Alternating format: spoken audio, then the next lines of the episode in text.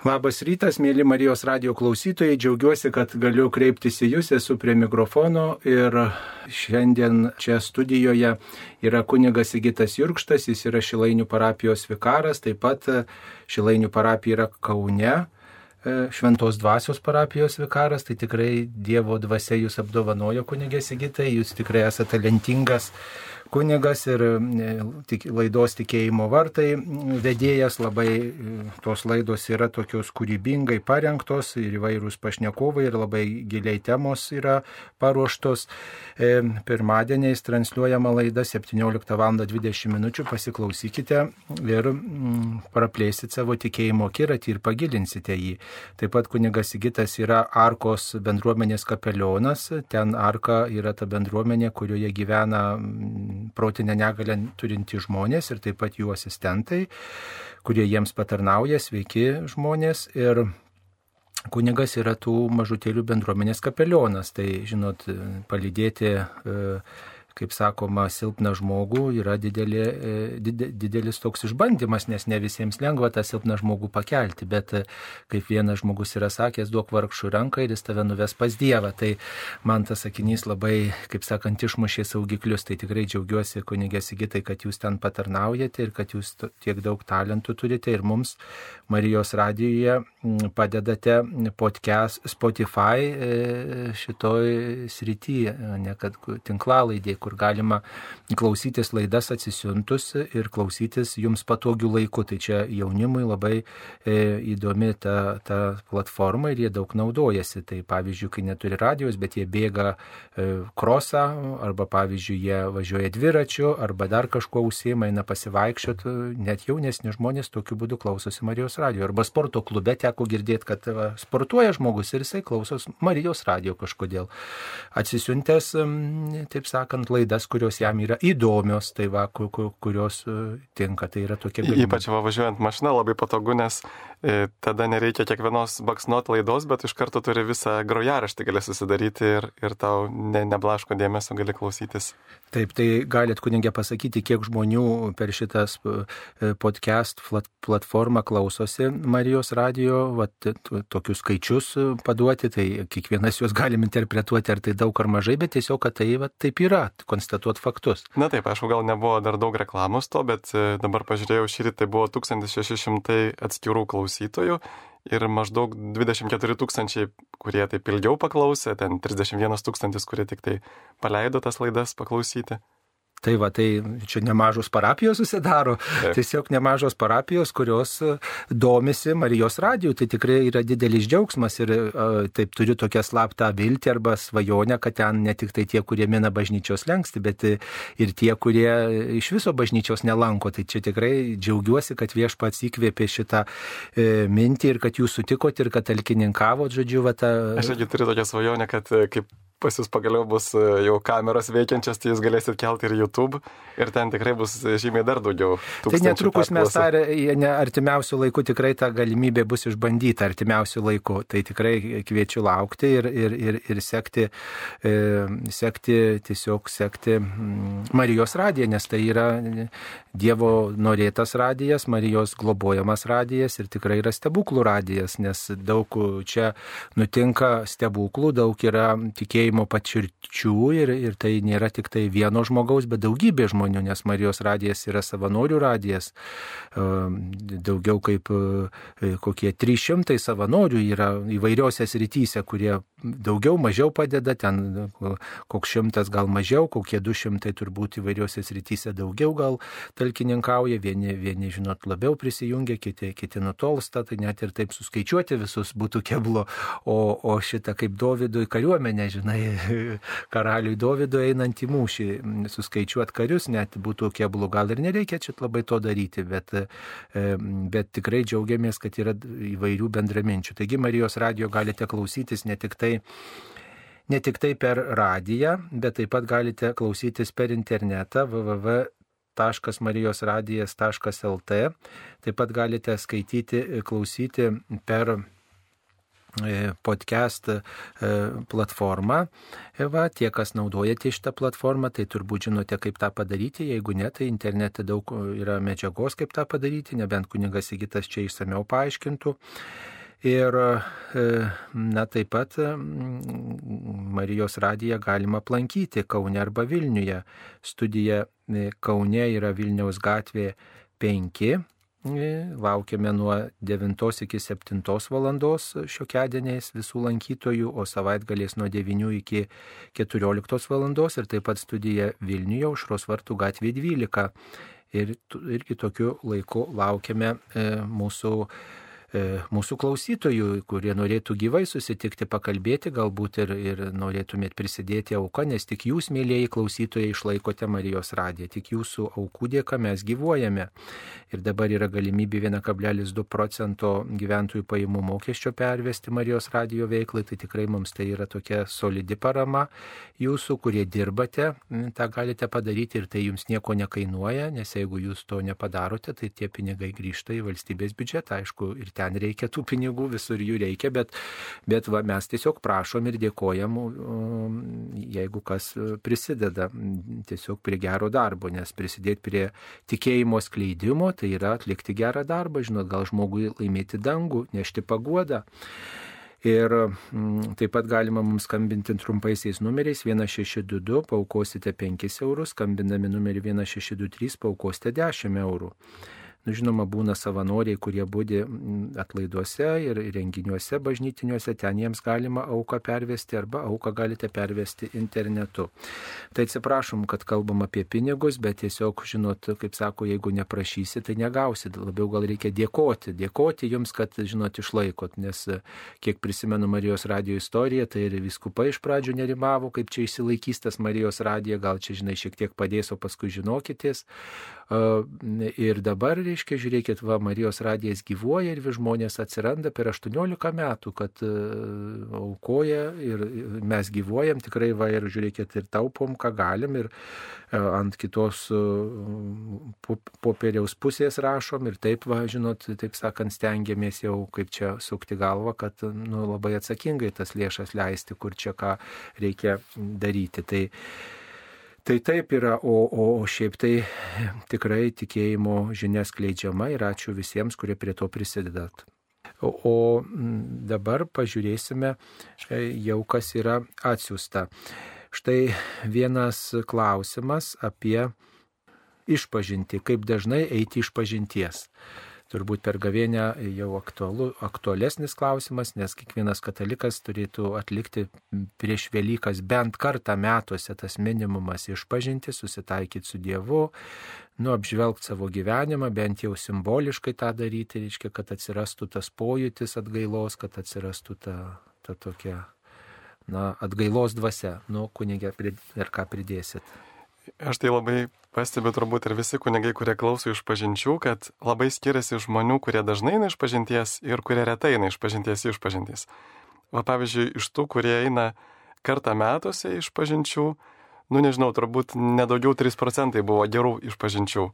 Kad, nu tai dažniausiai būna tokios labai paviršutiniškos, labai rutiniškos ir, nu, žmogus per visus metus tik tai kelis dalykus prisimena ten, ką nors e, nusikeikiau, nelankiau mišių ir panašiai. Bet kurie eina kas mėnesį iš pažinties, jie daug giliau save pažįsta.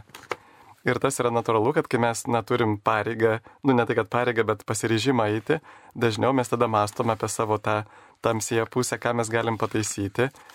Ir, žinot, kaip sakoma, ten, kur nešviečia saulė, ten nebėra ir šešėlio.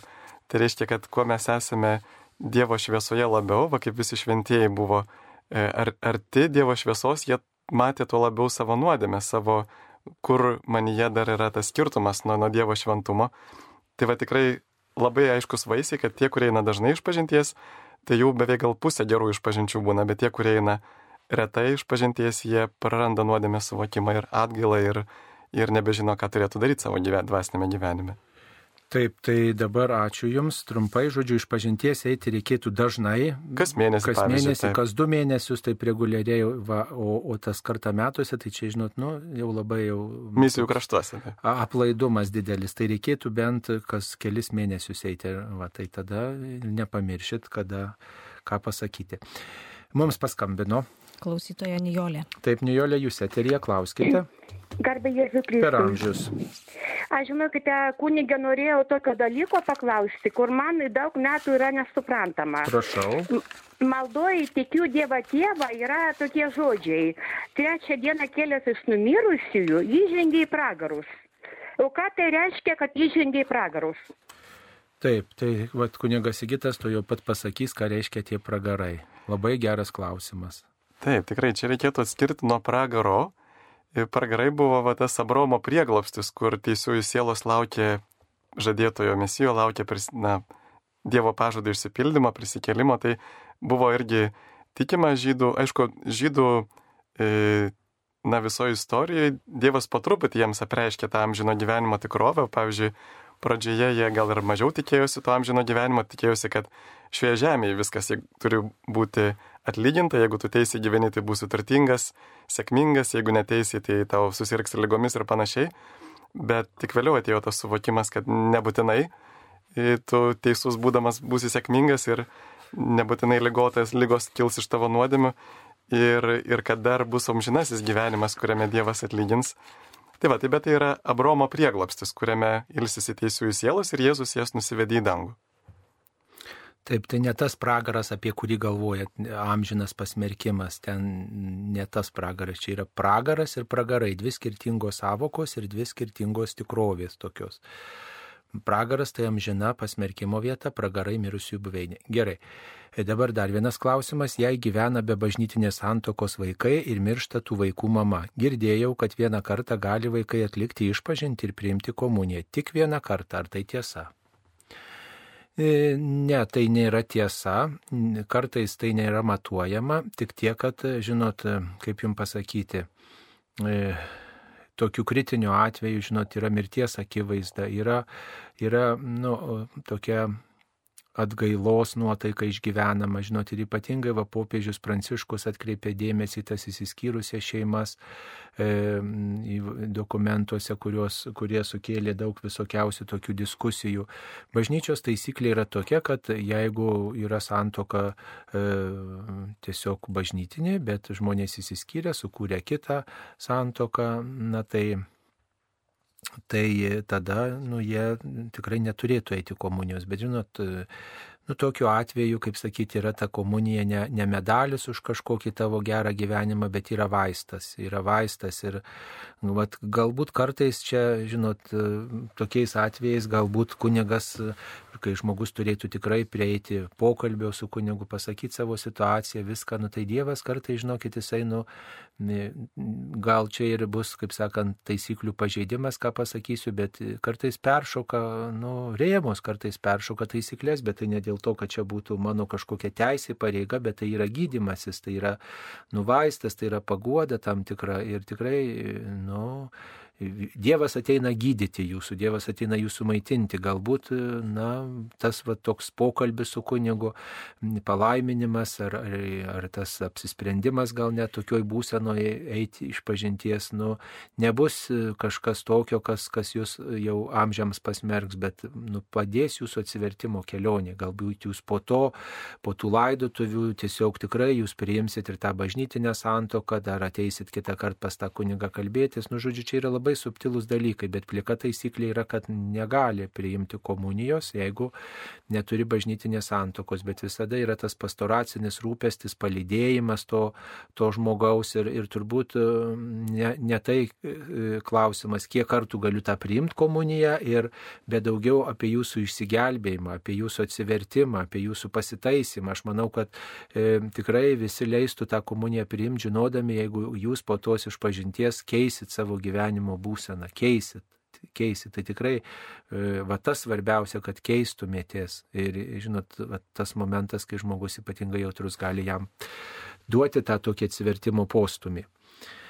Gal dar vienas dalykas, kad e, kartais žmonės ir šiaip neskuba susituokti ir, nu, pavyzdžiui, sako, neturi pinigų Ir iš tikrųjų tas toks va kultūrinis spaudimas, va ką kiti žmonės pagalvos ir taip toliau, mums labai trukdo va tam dar dvasiniam gyvenimui, nes juk susituokti galima ir paprastai, va kiek aš esu dalyvavęs draugų vestuvėse, kartais būna, kad, na, tiesiog pamišių padaro staliuką su, su sumuštiniais ir, ir keletą artimųjų pasikviečia į kavinę ir, ir nereikia jokių prabangių dalykų. Tai, tai tikrai va, tas apsisprendimas likti santukoje, tai mums padeda ir nugalėti kliūtis, nes jeigu nėra to apsisprendimo, tai tuomet ištiks pirmas sunkumas ir, ir susipakuosit savo daiktus. Ir, Taip ir viskas. Taip, dabar dar vienas klausimas. Kaip šiandien suprasti viešpaties trokštamo pasninko esmę pagal Izaijo knygos 58 skyrių nuo 6 iki 7 eilutės? Ne pasninkas, kokio aš noriu, tai nuimti neteisėtai uždėtus pančius, atrišti jungo valikčius, pavergtiems duoti laisvę, sulaužyti bet kokį jungą, dalyti su alkstančiu savo duoną, priglopti vargšą ir benamį, aprengti ką pamačius, nuogą, neatsukti nugaros saviesiems. Tai, e, žodžiu, kaip suprasti šito esmę, šito sakinio, šitų minčių. Na, čia tiesiog e, visą laiką pranašai kovoja su to tokiu išoriniu Dievo įsakymo laikymus ir vidiniu neteisumu. Tai vad, kad Dievas sako, kad ne tik išoriai ten mėsos nevalgyk ar pelenais apsibarstyk, bet kad ir viduje savo atsižadėk nuodėmės, nes, nu, tos, e, tos skanaus maisto atsižadėjimas iš tikrųjų turi padėti atsižadėti man skanios nuodėmės, taip, arba tos vat, pagundosi nuodėmė. Ir, pavyzdžiui, ką nors pavokti ar taip toliau, kad man būtų geriau, kad man būtų maloniau. Ir, ir todėl, kad tos religinės praktikos netaptų tokia veidmainystė, kaip sakyti, noras šiek tiek, na, sandėrių su Dievu, kad, va, aš tautų man. Tai va, visi pranašai kalbėjo apie tai, kad mūsų išoriniai veiksmai turi rodyti vidinį atsivertimą, kitaip jie bus nieko verti. Taip, e, žodžiu, artimo meilė. Svarbiausia, kad nevalgo, bet galbūt pasidalinu su kažkuo. Mes, pavyzdžiui, seminarijoje būdavo taip labai, man patiko ta praktika. Reiškia, yra lapas, e, nežinau, ar pas jūs kitai tai buvo, kad e, yra lapas ir tada seminaristas per ypač penktadienį jisai, nu, išbraukia, parašo, žodžiu, skaičių, ten ar, neprisimenu tos sistemos, ar vieną parašo, ar ten vardą parašo, kas čia pasninkauja, žodžiu. Ir, ir tiesiog žino šeimininkės, kad valgyti reikia mažiau gaminti tų porcijų jau, tai reiškia, tas žmogus nevalgys ten sriubos ar ten kotleto nekepa, ne to vieno. Ir tada maždaug apskaičiuoja, kokia ten suma, va, paskui pasninkui pasibaigus ir paskui seminaristai sprendžia, kam tas lėšas simboliškai panaudoti. Ir nubalsuodavo seminaristai, kad reiškia ten, pavyzdžiui, va, Arkos bendruomenė nupirkti kilimą, nes vaikams reikia ten, nu, jie va, ant grindų, ten voliojasi, žaidžia, tai jiem va, kilimas būtų patogiau. Nu, va, nuperka kilimą už tuos pinigus. Tai būdavo toks nu, va, ženklas. Paskui kitą kartą vėl sprendžia, kur panaudot pasninko metu sukauptas lėšas. Tai tas toks, nu, labai gražu, kad mes kažką padarėm ir, va, nu, kažkas tuo džiaugiasi, va mūsų, o mes nevalgėm, va meldėmės ten viską. Nu, tai tai va ir jums čia ir yra tas iš... E, Bet iš tikrųjų, va tas e, ma, visą laiką bažnyčios tėvai sakydavo, kad pasninkas turi eiti kartu su malda ir su išmalda. Va, pavyzdžiui, tada aš mažiau laiko sugaištų maisto gaminimui, tada turiu daugiau laiko maldai, mažiau pinigų išleidžiu ant paprastesnio maisto, ne ant rūkyto ungurio, kuris dar brangiau kainuoja negu mėsa, kelis kartus, bet ant paprastesnio, pigesnio maisto, kad turėčiau iškart paremti ir vat, dėl to irgi vidinio atsivertimo, kai buvo toks e, istorija su tokiu Dievo kvaileliu, kuris e, atėjo prieš Ivaną Rūstųjį, kuris su kuriuom neruošiasi pulti miestą ir duoda jam e, mėsos žalę gabalą, sako valgyk. Jisai sako, šiandien penktadienį, sako, aš mėsos nevalgau, sako, žmonių kraują tai geri. A, taip, tai kitaip sakant, nervus gadini kitiems, ar ne? Kodėl didžio, didžiosios katedros, pradedant Paryžiaus Dievo motinos katedrą, baigiant Šventosios šeimos bažnyčią Barcelonoje, yra išpoštos astronominiais ir astrologiniais simboliais, tokiais kaip 12 zodiako ženklų, ar bažnyčia nemoko, kad pasikliauti astrologiją ir tikėti ją nederėtų. Nu taip, bažnyčia moko šito, kad nedėra tikėti astrologiją ir pasikliauti ją, bet 12 ženklų, nežinau, ne, nemačiau ir Paryžiui buvau ir Dievo motinos katedrą lankiau ir apžiūrinėjau, bet kažkaip neatsimenu. Taip, bet, bet matot, irgi patys zodijako ženklai, taigi jie yra tiesiog na, jie atspindi žvaigždžių išsidėstymus, taip, tai tiesiog laiko danguje. skaičiavimo met, metodika taip. tokia galbūt. Tačiau va, kas yra blogai, reiškia, nu, patys e, zodieko ženklai tiesiog atspindi žvaigždės, kurios iš tikrųjų egzistuoja, kurios yra Dievo kūriniai. Bet kas yra blogai, tai va tas primityvus anksčiau žmonių supratimas, kad žvaigždės yra dievai, taip, kad ten planetos yra dievai, žvaigždės yra dievai. Ir jie tuos dalykus sudėvindavo ir galvodavo, kad dėl to tie dievai lemia jų likimą, va, kokia žvaigždė gimė ir taip toliau. Bet šiandien mes puikiai suprantam, kad nei ten tos žvaigždės, nei tos planetos nėra dievai ir todėl mums nereikia e, kažkokių tai e, zodiako, na, turėti astrologinių visokių tų būrimų. Taip, tai žodžiu, čia skirtingi dalykai, tik tiek ir netikima jais. Ant yra ir taip pat ir visokios bestijos pavaizduotos, visokios chimeros pavaizduotos ant Dievo motinos katedros. Tai nereiškia, kad mes jomis tikim, bet reiškia blogis pavaizduotas, grimasos įvairius pasaulio reiškiniai, kūrinijos, visatos įvairius ženklai, kuriuos nu, žmonės įvairiais būdais yra įvardinę, pavadinę, pagal juos orientuojasi, jų vengia, pagal juos juos e, skaičiuoja, klysta galų galę, tai, tai viską dailininkai kažkokiu būdu stengiasi atspindėti tai ir bažnytinė mene vienai par kitaip. Dar klausimas, gal yra žinoma rusų katalikų padėtis, juk jie vieną informaciją gauna iš Vatikano, o turi gyventi kitoje melo erdvėje. Nu, čia tikrai geras jūsų klausimas, nežinau, kokia rusų katalikų padėtis yra atvirai pasakius, bet ko gero jie, jie nusistatė turbūt kritiškai, nežinau, ar jie gauna informaciją iš Vatikano, tai tikriausiai, kad gauna informaciją, seka gal ir kitus šaltinius. E, nu, ten žmonės yra apskritai Rusijoje draskomi, žinot, ta prasme, kad e, informacijos vakumas yra, jeigu jiem prieinami tie šaltiniai iš vakarų, jie, jie juos e, irgi turi galimybę sekti, bet jie visi taip pat veikiami ir tos vietinės propagandos. Ir jeigu tau kasdien sako juoda, juoda arba balta, balta, tai tu, nu, vis tiek kažkaip esi smelkiamas tos melo dvasios. Tai labai tokia pavojinga padėtis. Bet žinot, irgi, e, vat, rusai jie labai pabrėžia tą, na, vat, ypatingai pasinaudodami patriarchų Kirilų, e, praktiškai naudoja Dievo vardą piktam, na, jie pabrėžia tos blogus dalykus, kurie yra e, vakaruose, bet žiūrėkit, ir Lenkija pabrėžia tos pačius blogus dalykus, bet jie nepalaiko tikrai Rusijos režimo. Ir jeigu mes pažiūrėtume pagal e, religingumą tų šalių, tai nepamirškime, kad Rusija kažkurio metu buvo tikrai ateistinė šalis Ir net ir šiandien ten krikščionių yra kažkur tai ne, mažiau negu pusė visos populacijos. Tuo tarpu, pavyzdžiui, Amerikoje yra tikinčių žmonių 95 procentai, taip.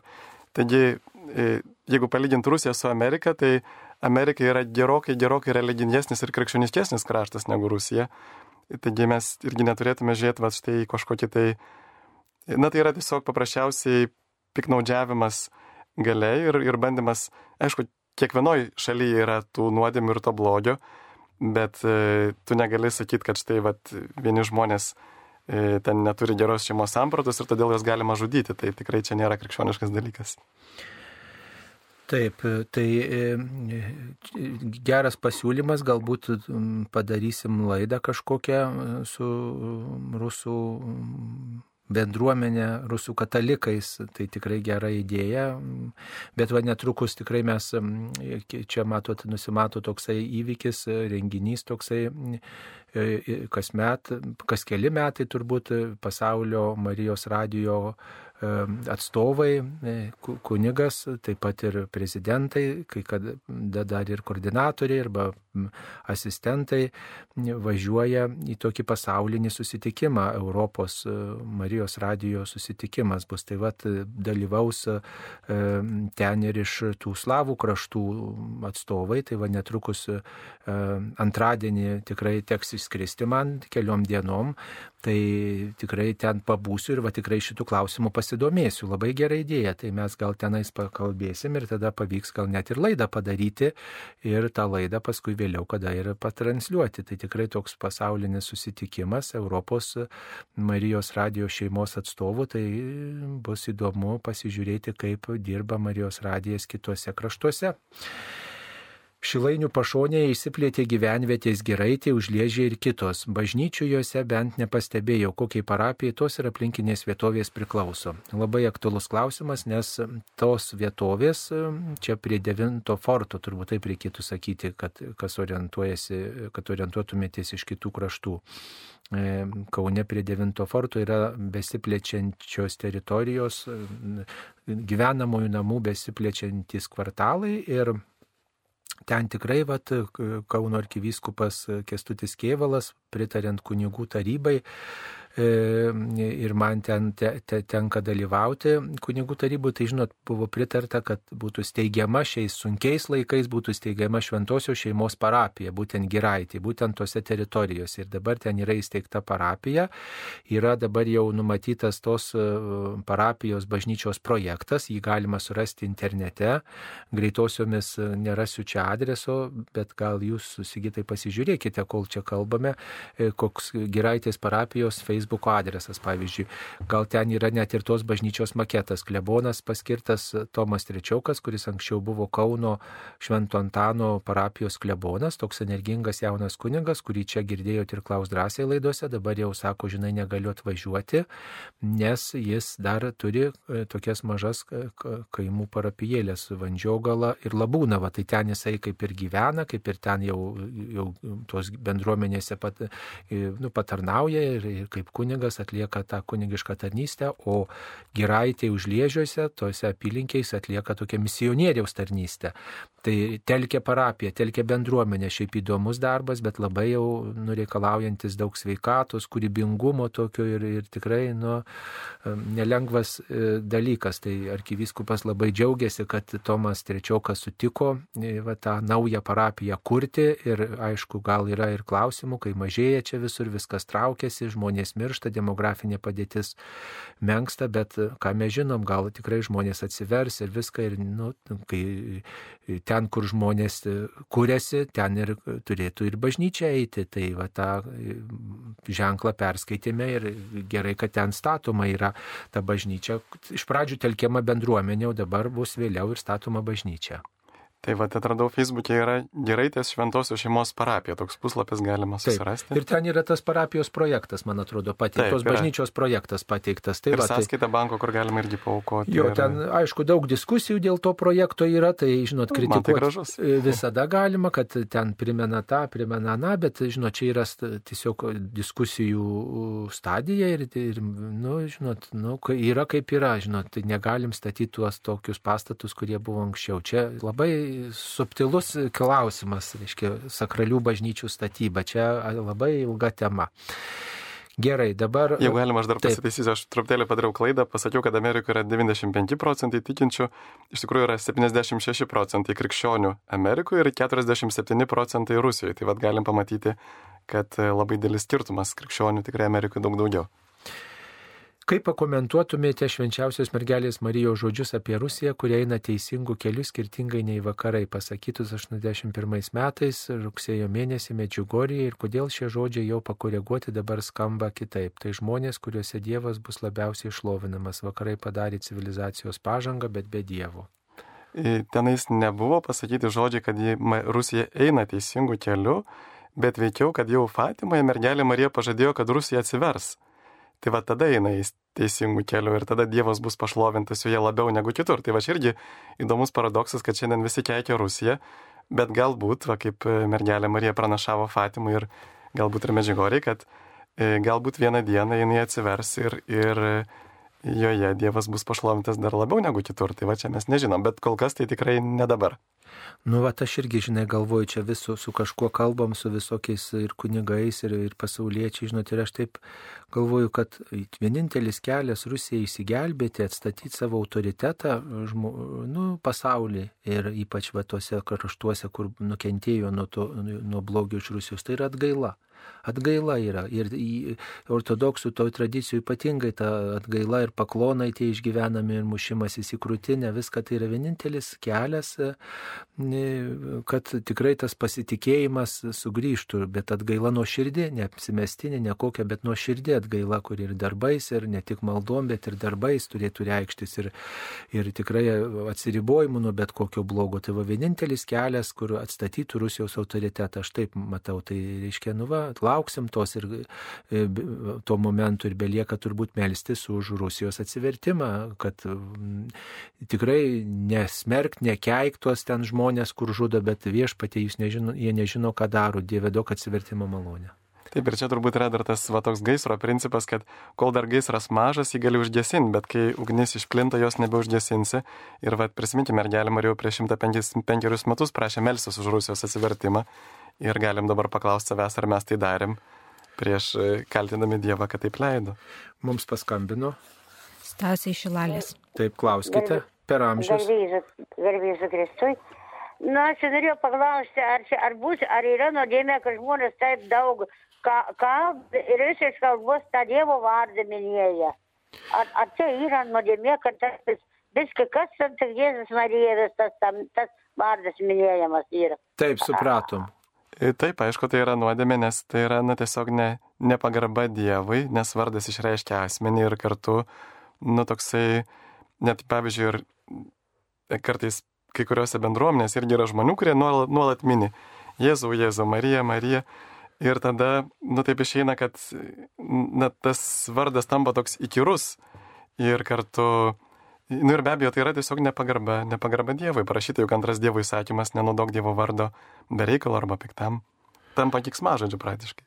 Taip, nu, su tikėjimu stenkitės tarti Jėzaus ir Marijos vardus. Su tikėjimu, jeigu jau ir įsprūsta, tai tada, žinot, jau viešpatė tikrai padėk šitoj situacijoje. Tikrai, vad, nesuprantu, kas čia įvyko, stebiuosi, bet Dieve tu padėk.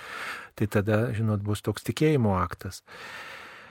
Ar šventose mišiuose yra leidžiama praleisti nesimelsti bendruomeninė malda vienoje Vilniaus bažnyčioje paprastomis dienomis po homilijos pradedama aukos liturgija?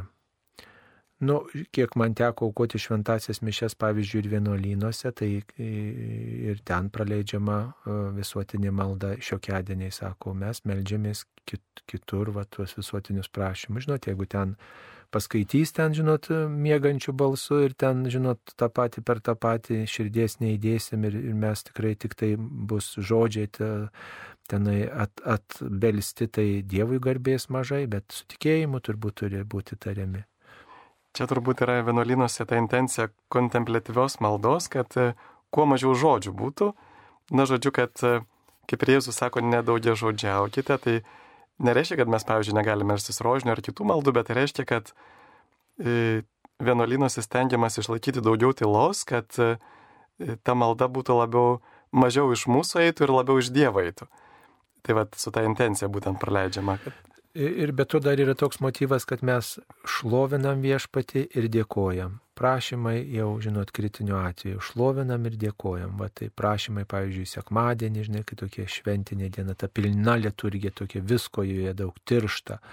O, o va šiokiadieniais tokia taktika pasirinkta. Nu, net jeigu ir čia būtų kažkoks nusižengimas nėra esminis, sakytum taip. Tai tikrai ne, neįsiskaudinkit labai, jau paprašykit privačiai, jeigu ko norit, bet svarbiausia, kad nebūtų praleistos esminės mišių dalys.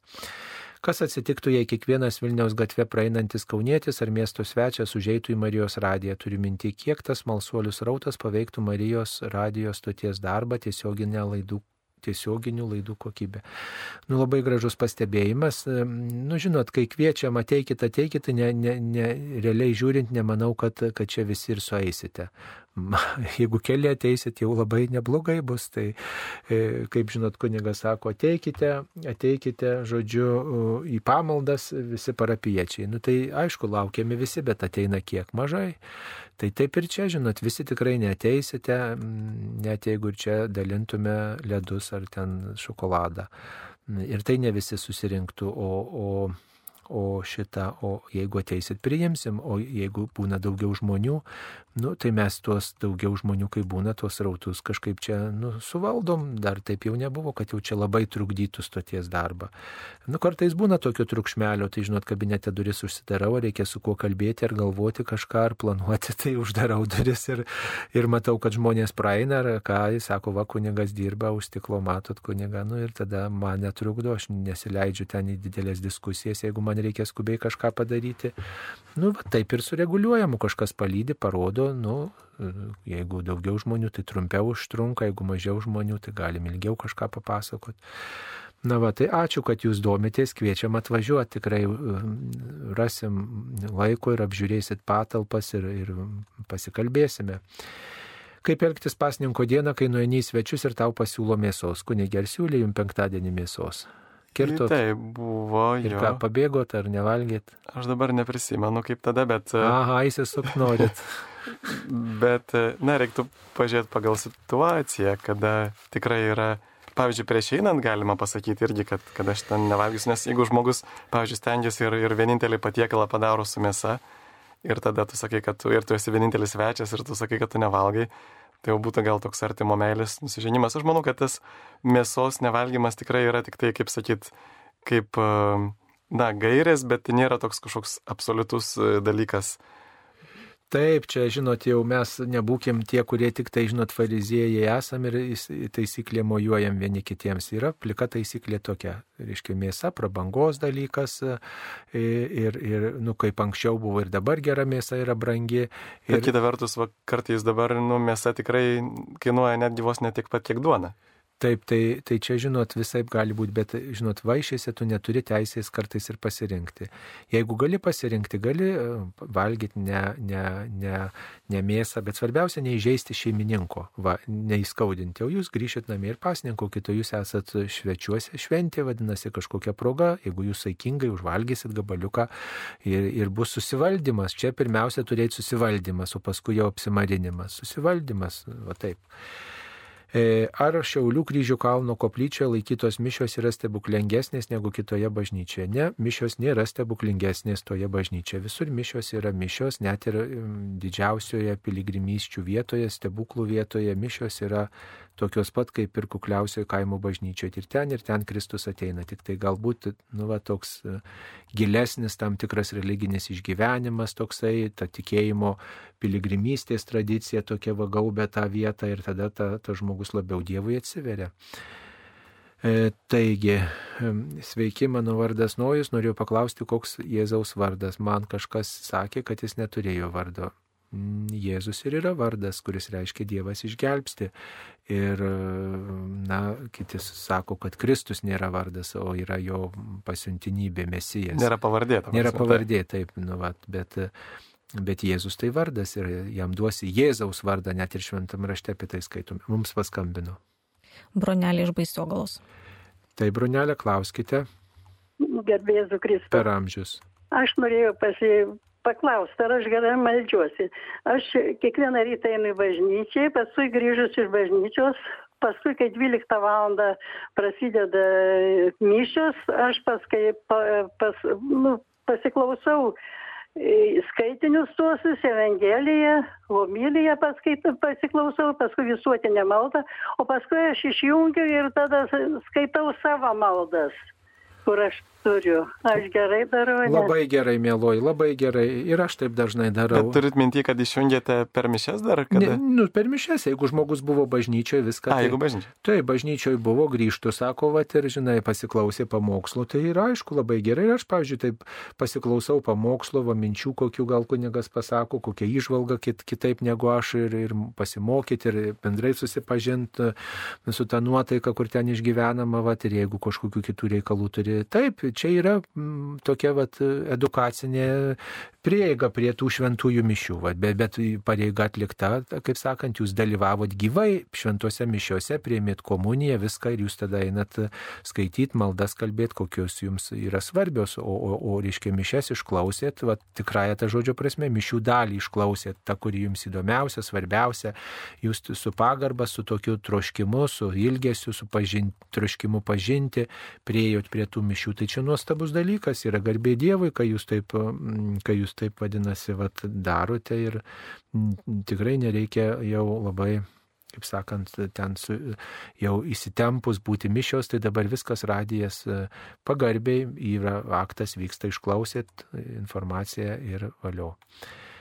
Negaliu atsisiųsti iš archyvo laidą, rašo, kad leistuvas nepalaiko šio tipo garso failo. Nu, čia yra, žinot, atvirai pasakysim, problemų tokių, mums sunkiai sekasi susidoroti, bet tikrai šitą mes nemiegam ir svarstom ir, ir žinot, nu, ieškom išeičių čia. Žodžiu, yra tokių techninių nesklandumų, tai tikrai melskitės už Marijos radiją, už Lietuvos Marijos radiją, kad viskas, visi nesklandumai įsispręstų ir, ir m, tikrai melskitės melsitės, kas galit, kas mokat kokias maldas ir, ir kad Marijos radijas gyvuotų ir toliau ir kad išspręstume visus išbandymus ir pagaliau Marijos radijas galėtų nu, sušvisti visų, visų, visų tuo pajėgumu pradėtų dirbti, tos viltys sudėtos į Marijos radiją tikrai įsipildytų su kaupu. Tai ačiū už, už aukas, bet taip pat ir tokį moralinį, dvasinį palaikymą nepamirškit, kad Marijos radija sėkmingai veiktų toliau. Tai,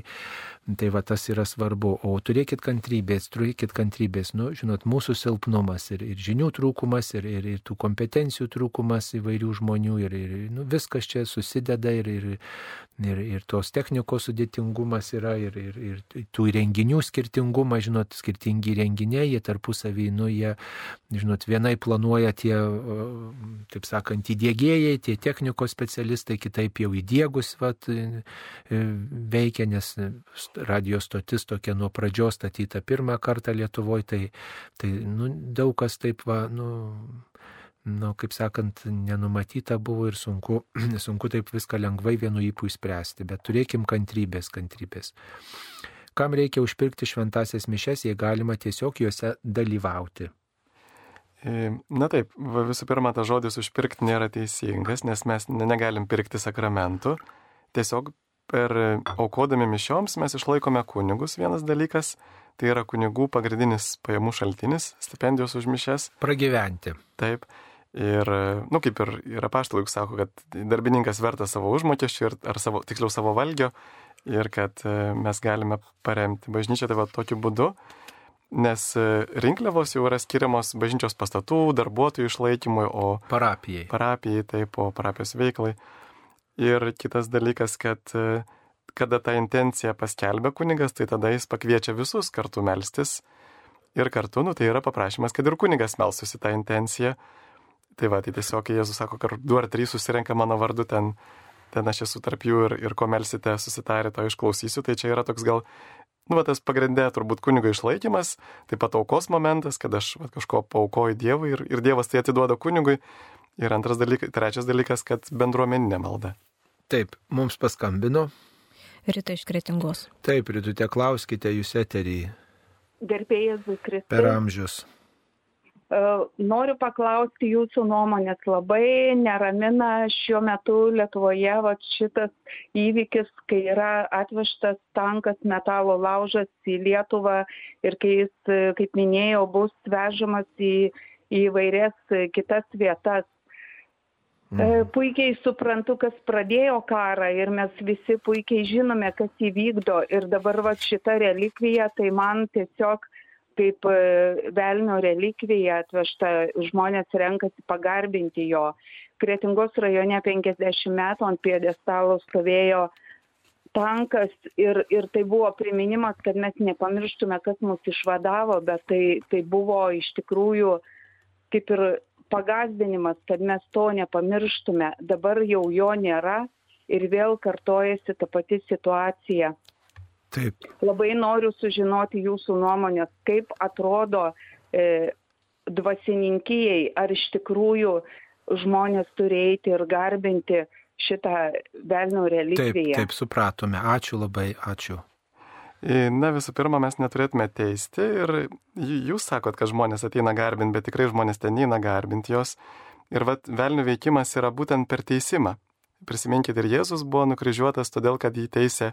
Nu, gal čia neteisimas toks piktinimas, sakyčiau, tokia nuoskauda, žinau, toks papiktinimas, taip, gal toks, taip. Nu, kad maždaug kam čia reikia, va, tos, toks nuoskauda tokia, ne, kad... Vat. Nes aš manau, kad vat, kas yra gero iš to, kad tai yra mums tikrai priminimas, kad e, visi tie dalykai vyksta netoli mūsų ir mes tikrai esame viena pažydžiamiausių NATO šalių ir mums tikrai reikia kažką daryti, kad mes padėtume Ukrainai apsiginti, o ne tiesiog sėdėti šiltai ir Tai aš manau, čia yra pozityvus dalykas. Nu, ta prasme, kad nelabai žinau tų intencijų, truputį vieną ausim, kaip sakoma, girdėjau apie tą įvykį, kad čia tankas atvežtas buvo, kažkas iš kunigų man yra sakęs apie tai.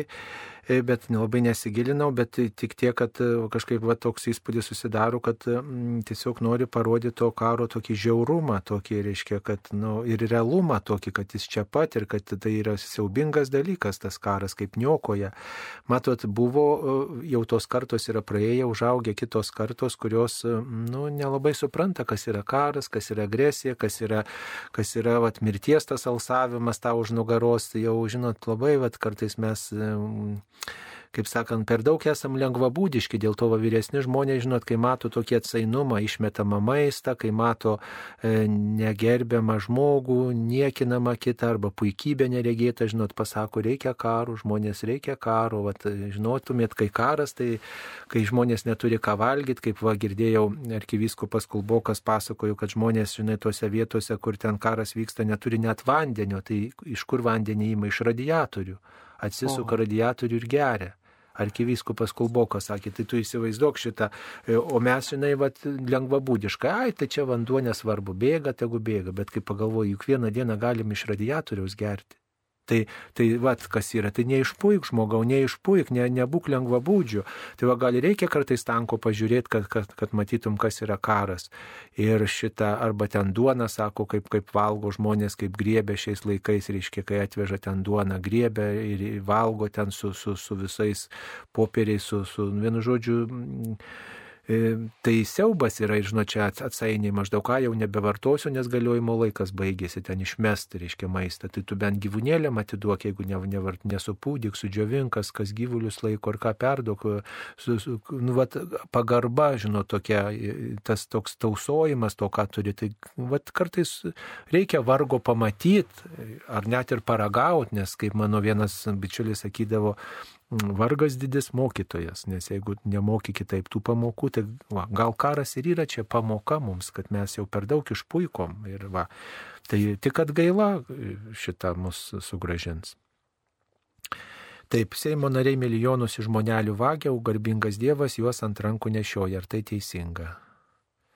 Nu, ką jūs sakot, kad nešioja, ką jūs žinot, ar nešioja, nenešioja, kad alga gauna didelę, tai čia tipo nešioja.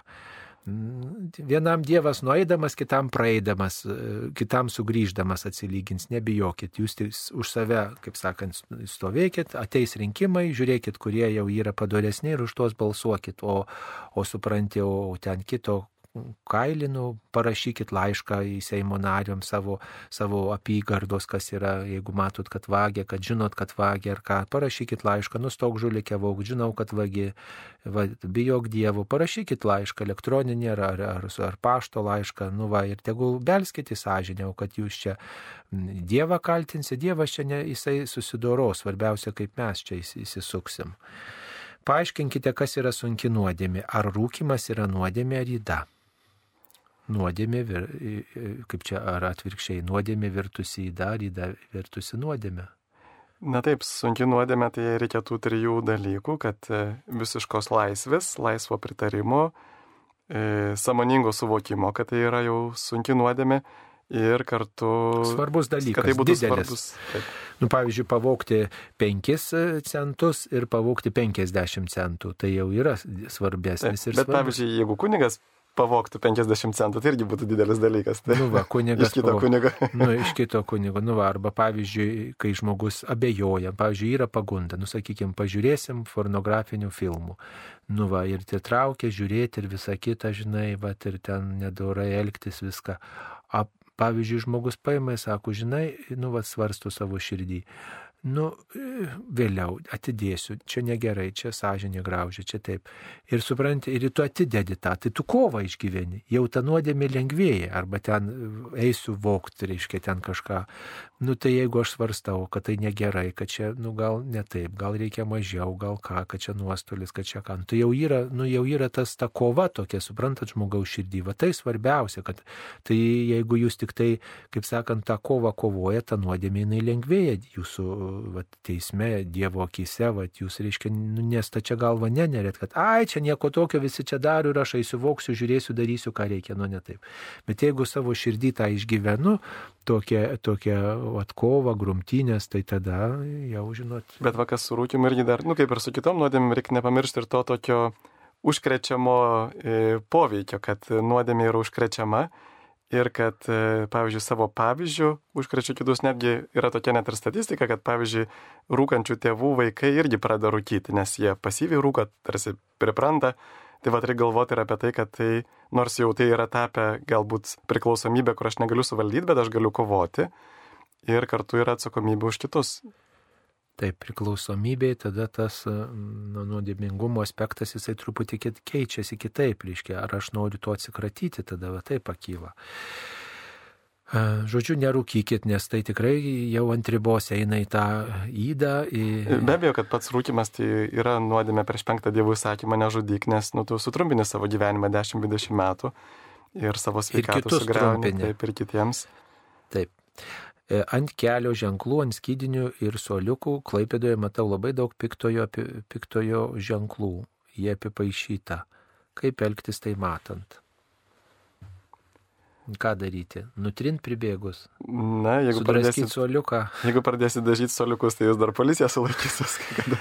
nu, kaip elgtis? Jau ką ten pasielgsi, žinot. Nu, at, pavyzdžiui, aš galiu papasakoti tokį įdomų įvykį. Čia netoli mūsų buvo būrimo salonas žinot, būrimo salonas buvo ir aš važiuoju į darbą, žinot, galvoju, va matai, čia pat mes apie Dievą kalbam, čia pat, va, yra burtai. Nu, žinot ką, pradėjau melstis, pravažiuodamas kas kart sveika Marija malda. Sukalbu sveika Marija, va taip viešpatie, galvoju, mergelė Marija globok ir padėk, kad čia, va, nu, tiesiog viskas tas išnyktų, kad blogis būtų stabdytas. Nu, dar kažkam gal pasisakiau, nu, žinot, važiuojam po kiek laiko nėra. Tai va, ar maldos čia galybė, ar čia kas, bet va, nu va, ką gali daryti. Pasimelskit už tuos žmonės, kurie paaišė, kurie čia praeina, žiūri, nu viešpatė pasigailė, gelbėk nuo blogio, Dieve tikiu takvim, o ką daugiau gali padaryti. Taip, kaip angelai galėjo nusidėti, kai dar nebuvo nuodėmės? Na, bet... nuodėmė ir yra laisvos valios e, nusigrėžimas nuo Dievo, tai angelai jie turėjo laisvą valią ir jie na, pasirinko Dievui netarnauti, bet jų nuodėmė buvo daug didesnė, nes jų pažinimas buvo daug didesnis. Ir aš kartais jį galvoju, kad tas Dievo šiek tiek pridengtumas šiame pasaulyje, nors mes jį turėdami gerą valią galim akivaizdžiai suprasti, kad Dievas yra, na juk nieks nesiranda iš nieko, taip juk daugybė dalykų yra grožis, tvarka, sudėtingumas, na visa tai, ką matom, gyvybės sudėtingumas, žmonių protingumas, visas kosmoso ta tokia begalybė, visa tai rodo, liudija Dievo buvimą, bet e, tai, kad jis yra šiek tiek pasislėpęs, mažina mūsų atsakomybę, mažina nuopelną tiems, kurie tiki, didelina nuopelną tiems, kurie tiki ir mažina atsakomybę tiems, kurie netiki, kad iš tikrųjų mūsų ta, na, mes negalėtume būti va taip visiems laikams pasmerkti su tais angelais, kad mes dar visą laiką turėtume progą pasitaisyti. Seniau žmonės galvodavo, kai nukrenta žvaigždė, reiškia, kad mirė žmogus. Aš visų kalbam žinatelis ir gerai darau. Na, visą laiką yra gerai melstis už mirusius, bet aišku, čia yra tikrai prietarai. Taip, nereikėtų labai susijęti. Čia toks taip. E, taip, čia žinutė nepilna kažkas parašė, parašykit pilnom žinutėm, nelabai turim laiko čia kada nuspėt, ką jūs ten dar norėjot pasakyti iš pusės žinutės. Mane vis lydė abejonės dėl nuodėmio atleidimo, jei sunku gailėtis, tai ar išpažintos nuodėmės atleistos. Na, va, būtent tam yra išpažintis, kad e, net ir tada, kai mūsų gailestis, na, nėra labai labai tobulas, bet mes tiesiog stengiamės, ateiname ir štai tą valandą, tą minutę mes gaunam užtikrinimą, kad Dievas atleidžia va, tą amžiną bausmę, bet reikia nepamiršti, kad lieka laikinoji bausmė. Na, va, įsivaizduokim panašiai, kad štai jeigu aš na, kokį čia kvailą pavyzdį, na, pavyzdžiui, vat. Gerą e, pavyzdį, kvailo neduokit. Pavyzdžiui, ma, Marijos radijai, va, kur nors e, e, sudaužiau, va, pavyzdžiui, ausinės, taip. Ir gerai, aš galiu atsiprašyti, taip, ir jūs man atleisite. Bet vis tiek būtų tinkama, jeigu aš už tas ausinę sumokėčiau. Taip, tai va čia ir yra tas, kad jūs galbūt mane atleisit ir iš darbo neišmesit ir, ir, ir ne, neatstumsit, bet aš vis tiek turiu atlyginti tai, ką aš galiu padaryti.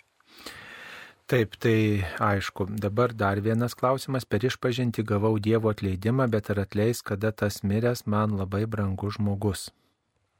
Na va čia dėl to Jėzus ir prisėmė mūsų nuodėmės, kad jisai atleistų mums, jisai pats prisima visų žmonių nuodėmės ir mes su juo tarsi tokį sudarom sandorą, taip kad, reiškia, jisai atleidžia mums viską, bet mes irgi pasiryštam atleisti savo kaltininkams. Ir tada Jėzus ir sako, jeigu tu netleisi savo kaltininkams ir tėvas tau netleis. Tai va štai Jėzus prisima tokį tarpininko vaidmenį e, ten, kur mes negalime, ten Jėzus už tai sumokėjo kainą ir atlygins tiem žmonėms už, už jų nekaltą kančią, kurią patyrė iš mūsų. Taip, e, tai toliau žiūrime, kokios žinutės atsiustos, ar galima stebuklų vadinti pagrindinę šventųjų mišių dalį. Mano bendravardis klausia Saulis, kaip malonus, sveiki Sauliau. Linkėjimai visiems Sauliams. Taip, Nu, mišios iš vis yra stebuklas. Kunigas kiekvieną kartą, kai paukoja mišes, tai nenustoja stebėtis, ne kad čia toks vat įvykis vyksta, kuris protų nepriepiamas. Bet mm, reikėtų turbūt tiksliau sakyti, kad mišios yra Kristaus aukos sudabartinimas ir tai aišku, kad stebuklas yra. Mm, gerai. Ar darom kunigės įgytai pertrauką? Truputį. Taip, taip atsikvėpsime.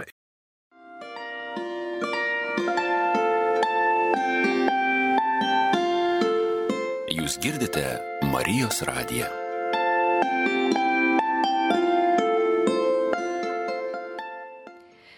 Jūs turbūt pastebėjote tą problemą, tikrai daugelį žmonių, tokių jautresnių žmonių yra sunku išbūti, na, vad, bendruomeniai maldoj, bet čia kartu yra ir dvasinė kova ir, ir todėl reikia ir, prisiminkim, Jėzus atsiskyręs meldėsi labai ten per akmens metimą atsitraukdavo, labai anksti nueidavo melstis, bet kartu ir kartu su kitais. Tai vad reikia abiejų dalykų kuo mes busim galbūt pasiruošę maldoje asmeniniai maldoje, tuo mums bus lengviau susikaupti ir bendruomeniniai.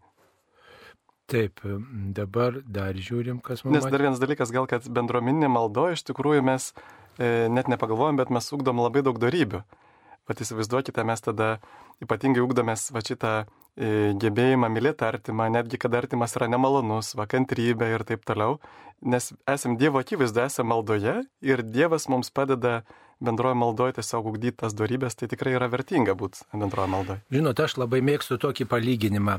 E, mūsų malda, dvasinis gyvenimas yra kaip paukštis. Paukštis turi du sparnus, taip ir tas maldos gyvenimas turi tarsi du sparnus. Vienas sparnas yra bendruomeninė malda, kai aš esu mišiuose, aš, e, suprantat, e, vienaip skrendu, o, va, o, o, o kitas maldos būdas, kai aš esu privačiai, koplyčio vienas, viena reiškia kitas maldos sparnas. Jeigu tą vieną sparną paukščių nukirps, jisai neskris.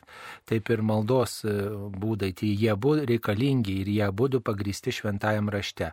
Ir ne, ne, nesiekia to susikaupimo šventose mišiuose. Įsiminsit vieną mintį, nu, vieną sakinį ir gerai, nereikia ten visko nuo pradžios iki pabaigos įsiminti. Ieškokit to sakinio, kuris būtų skirtas būtent jum. Vieno sakinio, dviejų sakinių ieškokit ir prasineškit juos ir viskas, o visa kita kitą kartą sugrįž. Va, bet jeigu su atidumu dalyvausit ir, ir to pakaks. Ar Lietuvoje yra Maksimilijono Kolbės įsteigtas laikraštis? Ne, nėra, ne po Kaleną, yra Lenkijoje eina toksai laikraštis. E, kokia mirtimi mirė paštalas Petras? Kankinio mirtimi e, buvo nukankintas Romoje. Nukryžiuotas. Nukryžiuotas žemyn galva, taip. E, taigi ir minimi jie birželio 29 bažnyčiose turėtų daugiau būti aiškinama, kas yra adoracija. Yra išstatytas švenčiausias sakramentas, o žmonės ateina, meldžiasi prie švento Antano, net nepastebi Jėzaus. Nu taip, nu yra tas, kad čia pats viešpats, bet myli šventą Antaną, bet mm, gerai, kad myli Antaną, nes Antanas e, ir prie Jėzaus atves, tikrai savo garbės ne, nepasilaikys. Svarbu, kad meldžiasi, žinoma, taisyti mūsų tikėjimą, tikslinti, tai čia yra e, nuostabu ir tą reikia daryti. E, dar vienas klausimas mm, skamba taip.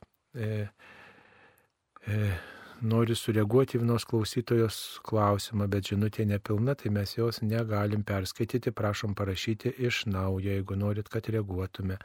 Jėzus sako, įsižadėkite savęs, imkite mano kryžių. Tai sako, dar prieš savo kančią dar nebuvo atskleista žmonėms kryžiaus kančios liepinys. Kaip vertinti šį imkite mano kryžių tokiame kontekste? Ramios gavėnios. Taip, ačiū ir jums ramios gavėnios.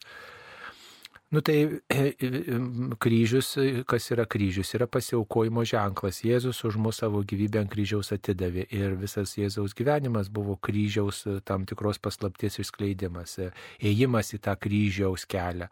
Tai reiškia meilės parodimas, tikrąją to žodžio prasme, pasiaukojimas. Tai reiškia, kai Jėzus sako, imkite mano kryžių, tai reiškia, mokėkit pasiaukoti, taip kaip aš pasiaukojau. Ne tik tai numirti už kitus, bet numirti žinote, egoizmui, numirti puikybė, numirti gopšumui, numirti kito teisimui, kito smerkimui. Va yra ėmimas kryžiaus. Tai reiškia daugiau mylėk ir tai nebus lengva, tai bus tikrai kartais pragariškai sunku. Būti nuolankesniu, būti dosnesniu.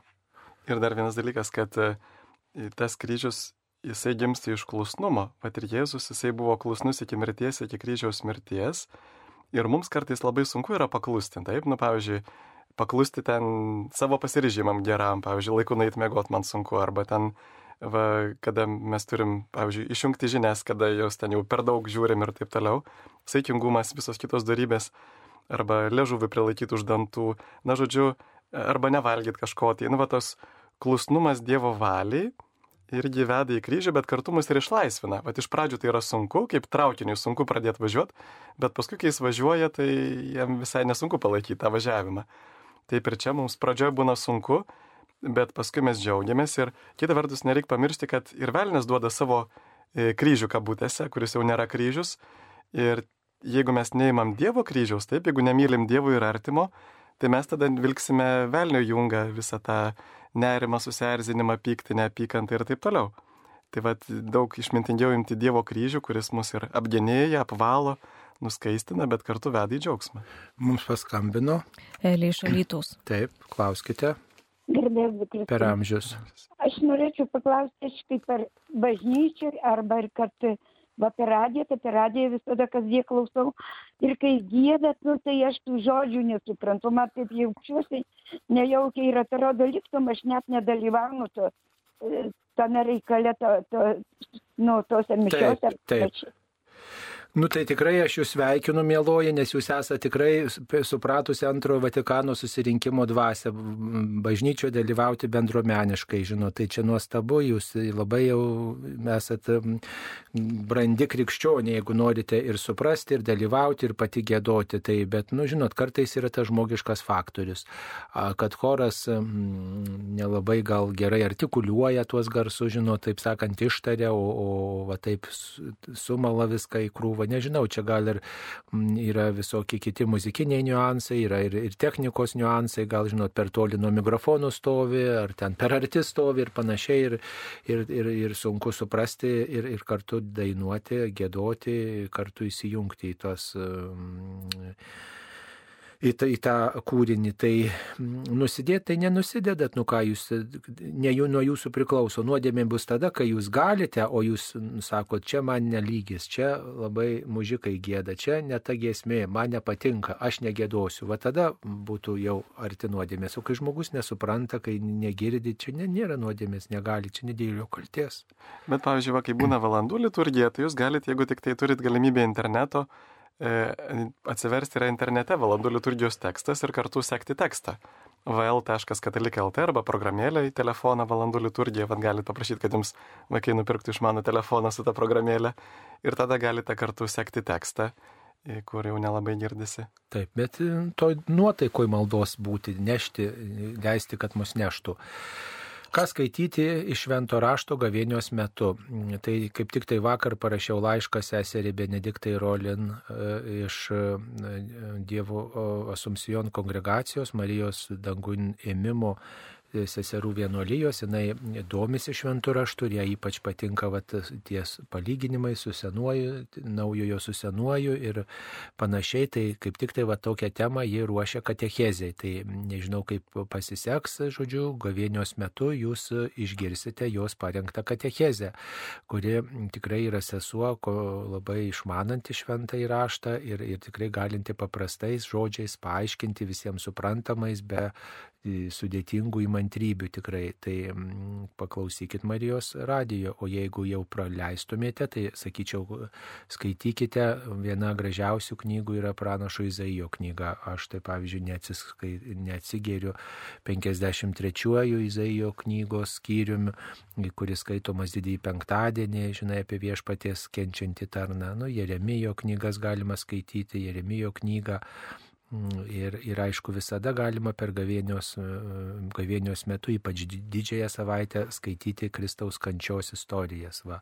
Sakyčiau, gal ir iš anksčiau pradėkit vieną, paskaitykit kitą, paskaitykit va, Evangelijos, e, kurio prašyta kančios istorija. Tai yra, nu, va, tas palaipsniui įsimastyti, ką Jėzus dėl mūsų kentėjo, kodėl kentėjo, tiesiog va taip šviežia galva, šviežiom akim pabandyti suprasti. Taigi žiūrim, kas čia toliau, kas mums toliau atsiųsta, kokios žinutės. Noriu paklausti, ar jogos susėmimai yra nuodėmė, yra daug įvairių nuomonių. Jogos susėmimai. Valkauskas jau duotų čia griežtai. Na, turėtume iš pradžių suprasti, kas yra ta joga ir kam jinai reikalinga. Taip, tai jogos pratimai yra tam, kad stiprintų nugarą, tam, kad žmogus galėtų medituoti, sėdėti meditacijos pozoje. Tai patys pratimai, jie aišku, nėra nuodėmė, bet e, yra, pavyzdžiui, mantros turbūt būtų problematiškiausias dalykas, nes mantrose iš tikrųjų yra hinduizmo malda įvairiems dievams. Nors mes ir nesuprantame, bet vat, jų gal nereikėtų mantrų kartoti.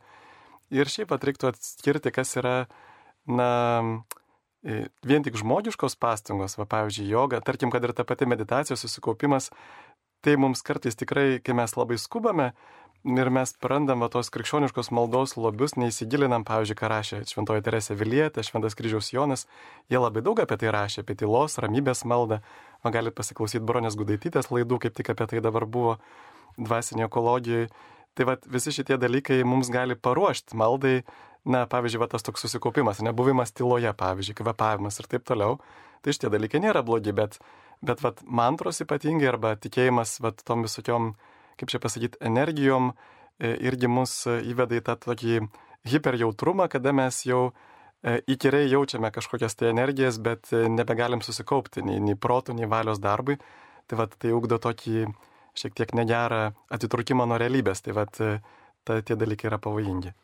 Svarbiausias dalykas, kad tikėjimas būtų tvirtas ir tada, jeigu jūs kažkokį pratimą darote, tikrai labai svarbu jį atsėti nuo ideologijos, kuri ten ta, per tą pratimą gali būti nešama ir tada jums pakenks, ypatingai pakenks, jeigu jūs neturėsite tvirto tikėjimo. Mums ir, ir ypatingai turbūt puikybė labai pavojinga jogoje, kada žmonės įsivaizduoja, kad jie čia kažkokie dvasingesni, geresni, e, nu kaip ir bet kokiam dvasiniai praktikai, šventesni už kitus. Tai vat... Taip, mums paskambino. Eimutis iš Marijampolės. Klauskite. Garbėzui Kristui. Per amžius. Aš tiesiog norėjau šiek tiek papildomai pakomentuoti dėl tos moters, kuris susirūpinus dėl to tanko, kuris čia yra. Taip, tai ką jūs. Atvestas. E, Jėzus taip pat liepia mums žiūrėti laiko ženklus. Ir mus lydi visur gyvenime tam tikri ženklai, kryžiaus ženklas, taip pat krikštas kaip, kaip ženklas, kuris mus įveda į krikščionių bendruomenę, Ir tas tankas, kuris atvežtas, jisai pastatytas ne bet kur, juk yra vietos ir daugiau Vilniui, kur yra tikrai pakankamai, yra nepriklausomybės aikštė, pristėjimo yra Lūkiškių aikštė, bet jis pastatytas pačioje švenčiausioje vietoje, tai yra katedros aikštėje. Ir aš tiesiog noriu pacituoti iš Evangelijos pagal matą, čia yra, kai Jėzus kalba apie paskutinius laikus, yra 24 skyriaus 15 eilutė. Kai tik pamatysite pranašo Danieliaus paskelbtą sunaikinimo pabaisą, stovinčią šventoje vietoje, skaitytojas teisydėmi. Tuomet kas bus judėję, tai bėga į kalnus, kas ant stogo telipa žemyn, pasimti savo daiktų, o kas laukuose ten negrįžta pasimti apsiaustų. Aš nenoriu būti kažkoks pranašas didelis, bet į kiekvieną ženklą mes turėtume žiūrėti gan rimtai ir aš tikrai pritariu tos moters nuomonė, kad tas ženklas, tas būtent tankas sugriautas, jisai pastatytas ne bet kaip ir ne bet kur. Bet esmės jisai kažkokios tai turi, nes jis pastatytas pačiose švenčiausioje vietoje, tai yra katedros aikštėje. Ačiū. Nu taip, matot, truputį būkime atsargus su apriškimo knygos interpretavimu pažodžiui. Tai yra tikrai ta knyga, kurią mažiausiai reikėtų interpretuoti pažodžiui. Labai tą atsakingai pareiškiu ir tą tikrai labai visi įsidėmėkite, kad negalim ypač apreiškimo knygos traktuoti pažodžiui. Yra simbolių kalba ir, ir yra pavojinga tą interpretuoti. Aišku, kad gal ir ten nederėjo, gal kitos vietos galima buvo paieškoti, e, tą suprantama, bet matot, jeigu, kaip jums pasakyti, jeigu net tą sunaikinimo pabaisą leido Dievas, sakykime, pastatyti, va net jeigu ten ir dalyvavo tame kažkokios kitos valios žmonės, ne, kaip ten bebūtų, tai vis dėlto nu, reikia skaityti tuos ženklus ir, ir, ir žinot, nu kas belieka, kai jau artinasi kažkas sunkaus, kažkas nelengva atgaila, malda, tikėjimas, atsiprašymas, va, atleidimas, susitaikymas, Dievo pasirinkimas. Nu tai jau ką daryti tada, va, nu, jeigu ir pažodžiui paimsi traktuoti. Te nebėga į kalnus, te, te palieka apseustą ir taip toliau. Tai, tai me, mums jau ne, nereikia apseusto tada, kai jau bus visai riesta. Jau tada reikia visą nuoširdžią visų nu, vidumi grėžtis į Dievą, tada šauktis Dievo reikia. Tai gal bent tokiu būdu Lietuva praregės, bent tokiu būdu būsim broliškesni, bent tokiu būdu mes e, vienybės daugiau išgyvensim, dėl smulkmenų nesiriesim, bent tokiom sunkiom aplinkybėm Dievą atrasim. Va kas yra svarbiausias dalykas. Va, o ne tai, kad ten kur kas bus pastatyta. Va, dievas turi būti svarbiausiai atrastas toj situacijoje. Ir galim pastebėti, kad Dievas iš blogo, e, va kodėl sako Tomas Akvinėtis, Dievas leidžia blogį, nes bet kokį blogį gali išvesti į gėrį. Tai ir mes nebandykime visur išvelgti to blogį, bet va, pabandykime atrasti, va, kas gero iš to gali būti. Na pavyzdžiui, katedros aikštė tai kartu yra laisvės vieta. Taip, yra laisvės simbolis, mes ten šventėm vasario 16 ir taip toliau. Ir Lietuvos laisvė irgi, na, nuo bažnyčios, tai prasidėjo bažnyčia, buvo ta vieta, kur žmonės rinkdavosi kovoti už laisvę ir tas sunaikintas tankas paprasčiausiai yra ukrainiečių busimos pergalės simbolis. Mes norim, kad jie turėtų laisvę ir tai yra tarsi padrasinimas, ar ne, kad mes neišsigastume. Ir manau, kad dar, dar šiek tiek simbolinis dalykas, kad būtent lietuviai buvo tie, kurie parūpino pirmieji Ukrainai tos prieštankinius ginklus ir kad va štai lietuviai padėjo jiems apsiginti. Tai aš manau, kad nereikėtų per daug demonizuotų dalykų, nes tikrai tas gali nuskaldyti, vesti tokį nerimą. Taip, reikėtų ne simbolių vengti, bet tikrovės, į kurią tie simboliai veda. Labai atsakingai vertinti ir pasirinkti tikrovę, kuri yra už tų simbolių. Ar teisinga, kai visi dvasininkai linki tik pergalės, bet kokią kainą, nesvarbu kiek aukų, bet nekalba apie taiko siekimą Ukrainoje? Na, ne, nebūtų teisinga sakyti, kad visi dvasininkai taip sako, nes tikrai, pavyzdžiui, mes bažnyčia vis laik melžiamės ir už e, taiką Ukrainoje, ir už Rusijos atsivertimą, ko prašė mergelė Marija, ir už mūsų visų atsivertimą. Tai nereikėtų vėl visų nuteisti. Kokie piktojo delegatai prieš Kristaus valią tempia bažnyčią prie sugedusio pasaulio? Kokie piktojo delegatai. Nežinom, kokie čia delegatai ir ką čia kas tempia. Visus tempia, mėla Vona, negalvokit, kad jūsų netempia, kad jūs teis, teisi liksite. Visus mus gundo, visus ir popiežių gundo, ir šventuosius gundo, ir kunigus, ir vienuolius, ir pasauliečius visus e, tempia, ir bažnyčia tempia prie sugedusio pasaulio, bet e, pragaro vartai jos nenugalės. Nenusiminkit, o melskitės už bažnyčią ir prisiminkit, kad ir jūs esate tos bažnyčios dalis, taip atsakytume. Man čia norėtų norėtus irgi prisiminti tokį palyginimą, sako, kuo skiriasi bitė nuo musės.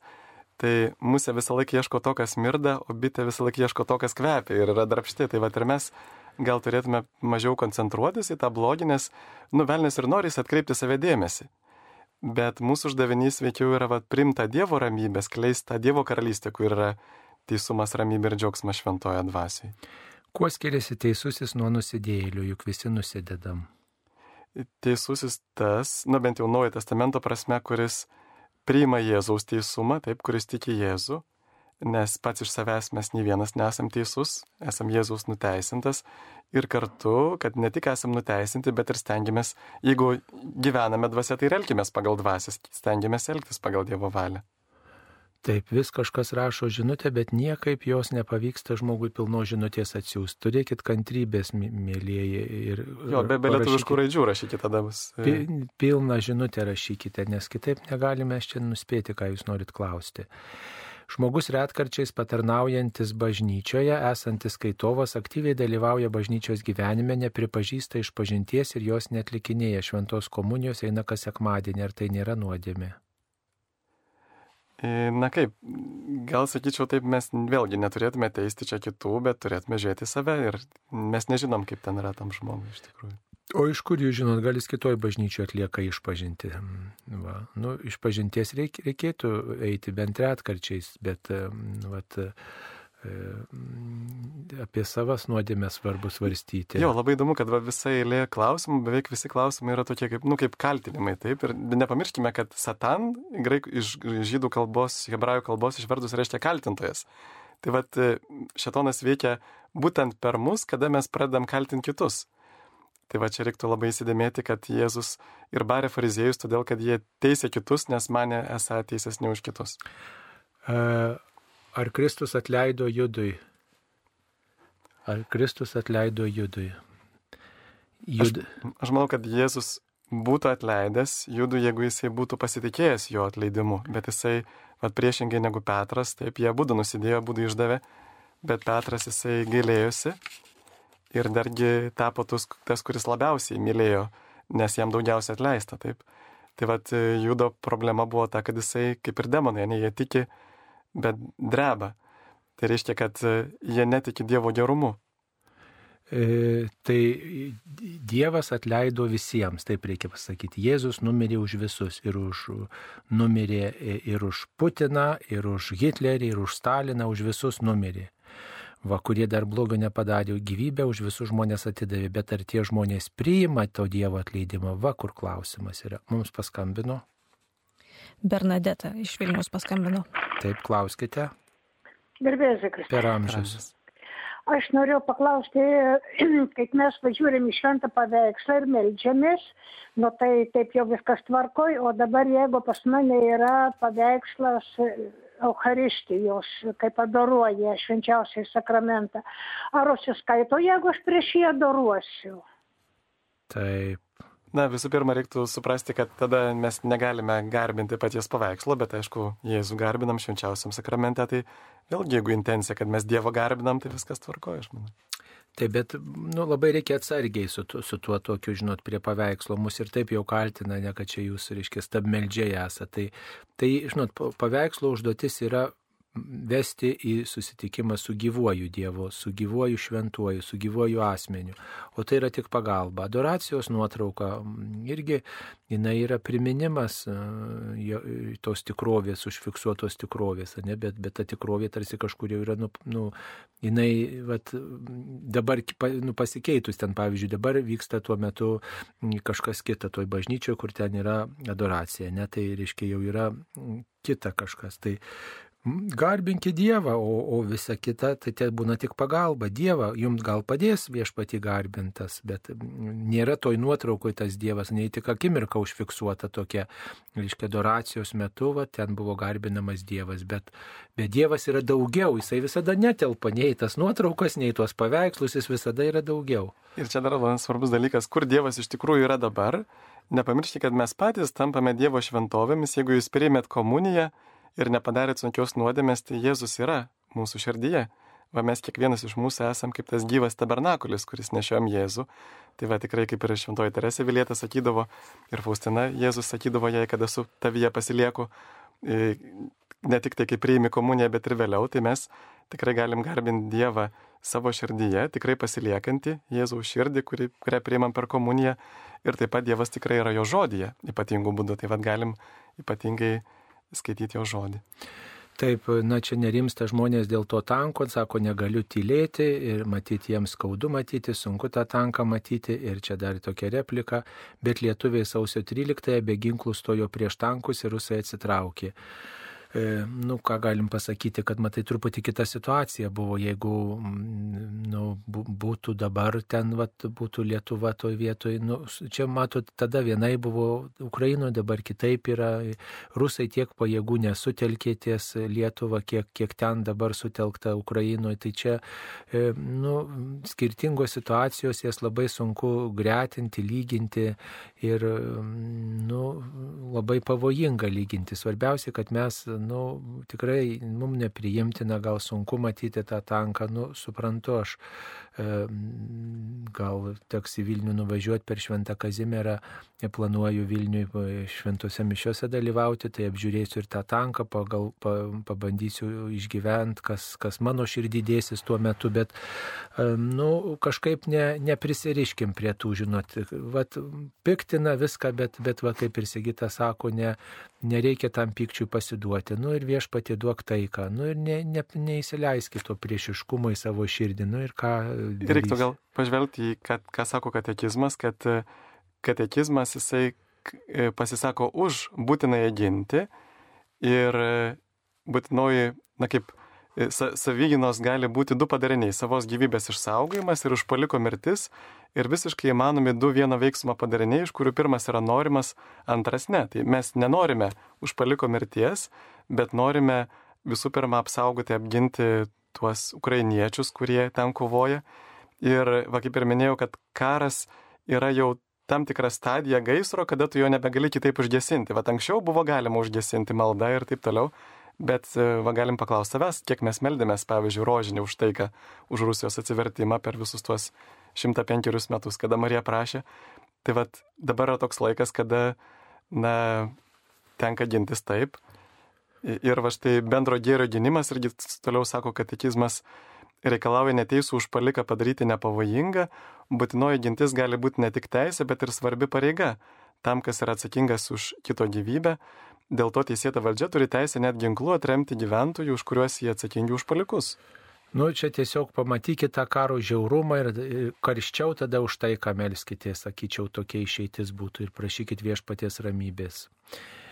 Nu, čia prašo pakomentuoti mistinį reiškinį, kai ligoniai perišti koja paprašyta, matė patalpoj sukūriukus, lygyvą kraują, srovelę peršokdavo. Nu, apie tai kalbėkit su savo dvasios tėvu, su kunigu išpažinti. Matot, sunku čia visus niuansus aptarti, daug ko nežinant, bet labai būkite atsargus tais mistiniais reiškiniais pasikliauti. Geriausiai tai, kai kažką neįprasto pamatom, taip sakykit, persižegnokit ir sakykit, jei tai ne, jei tai ne iš Dievo, tegul tai pranyksta. Viešpatie pasigailėti gailėk tikiu tavim Jėzau Kristau, va maždaug taip.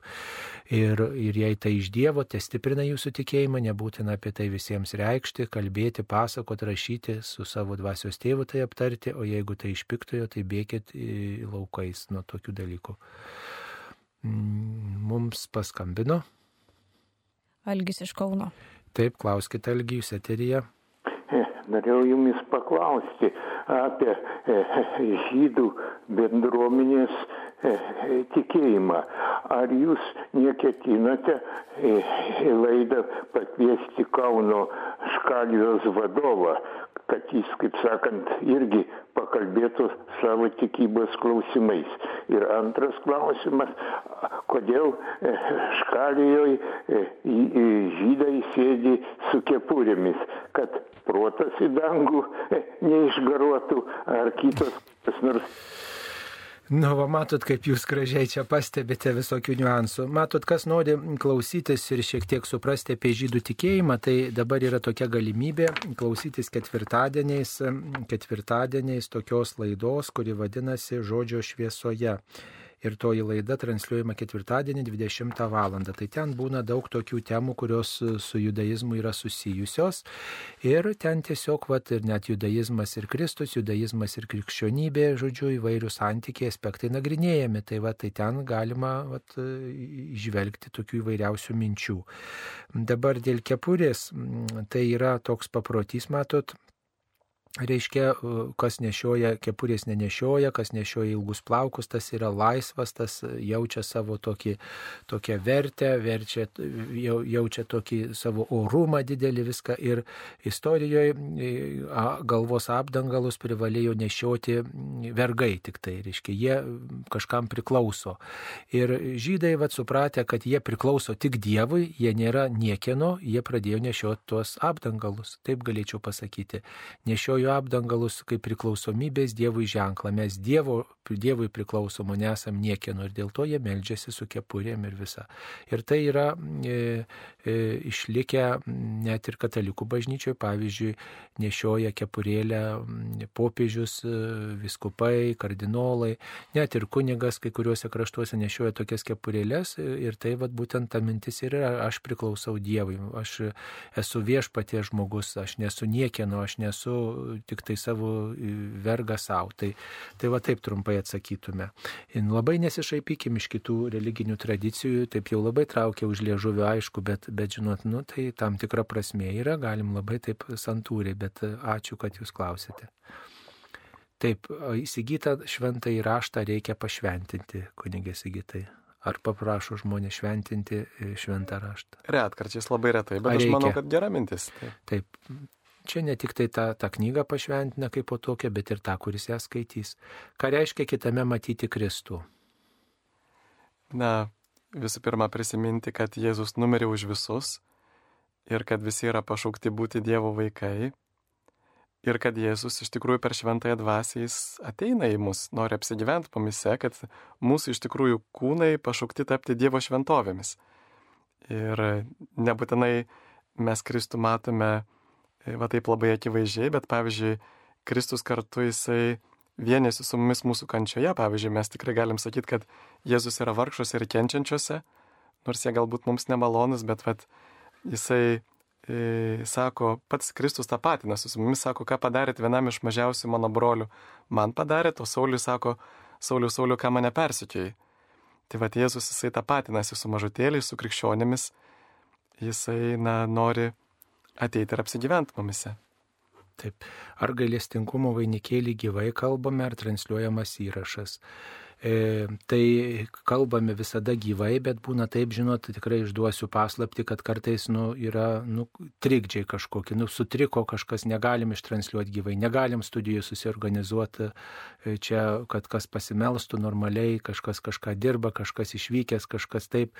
Tai yra ir paruoštų įrašų tokiam kritiniam atveju, bet tai mūsų užduotis yra padėti jums melstis, kreipti maldą, informuoti apie tokį dalyką o, o padėti vat melstis, o, o, o, o šitą, o, o žinot, o, o ne bet kokią kainą užtikrinti, kad čia gyvai, gyvai viskas būtų. Nu, kartais techniškai neįmanoma to gyvai padaryti. Tai mišios tai, nu, jau ne, bet, bet sakykime, vat, maldos kartais tokia malda reikia išleisti įrašą, bet, žinot, tai tikrai nėra labai dažnai. E, kodėl jaunimas nenori eiti iš pažinties, nenori tuok, nenori krikštytis vaikų, nenori sutvirtinimo, sako Dievas, kad tai pasaka, kad bijotų žmonės. Gaila jaunimo, ką jūs manot? Nu, aišku, kad gaila. Nu, Dievas susiras, melskitės už tą jaunimą, kad nenuklystų, klystkeliais nenueitų. Nu, ką tu neįpūsi to tikėjimo. Tai yra dovana, bet ta dovana truputį priklauso ir nuo mūsų. Kaip mes ją perdodam, kiek mes patys spinduliuojam to tikėjimo, ar mums rūpi Dievas, ar mes norim mylėti, būti geresni.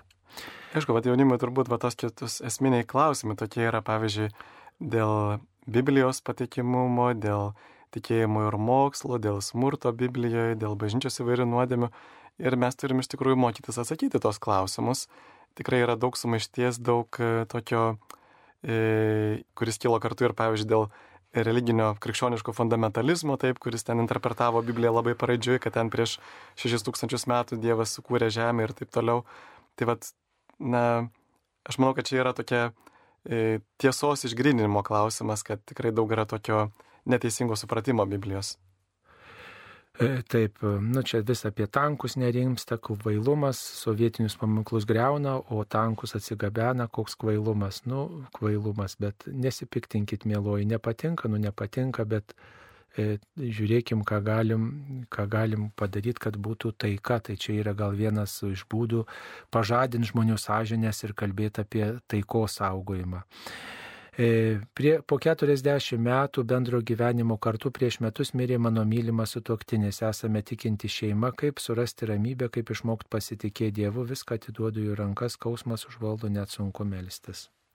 Na, jūs pagalvokite apie sutoktinio laimę, kad čia yra žemė, yra tik tai tiltas, kurį mes pereinam, taip, gyvenimą žemė nereikia įsikurti jau per daug patogiai, bet ten yra mūsų tikrieji namai ir jeigu jūs tikrai mylit savo sutiktinį, tai turėtume džiaugtis, kad jis dabar keliauja, galbūt jau yra to jam žinoj laimė, o jeigu ne, tai dar galit padėti savo maldą, kad galutiniam nuskaistinimui. Lankykit šventasias mišes, žinot, kiekvieną dieną ateikit, ateikit, jeigu yra galimybė, klausykit Marijos radijo ir tokios vilties, kad čia jis yra, jis neišnyko, bet yra kitaip dabar su mumis, yra kitaip tiesiog va tą santykį, tu matai dabar kit, mane iš ten, aš va į Dievą melžiuosi, ta malda gali būti viešpatė pasigailėk, viešpatė tikiu tavim, Dieve, myliu tave, Jėzau, Jėzau, paguosk mane viešpatė gelbėk mane, neusiskleiskit tose mintys,e tikrai galbūt mėgskit kažkokį rankų darbelį, darykit, gal lankykit kažką,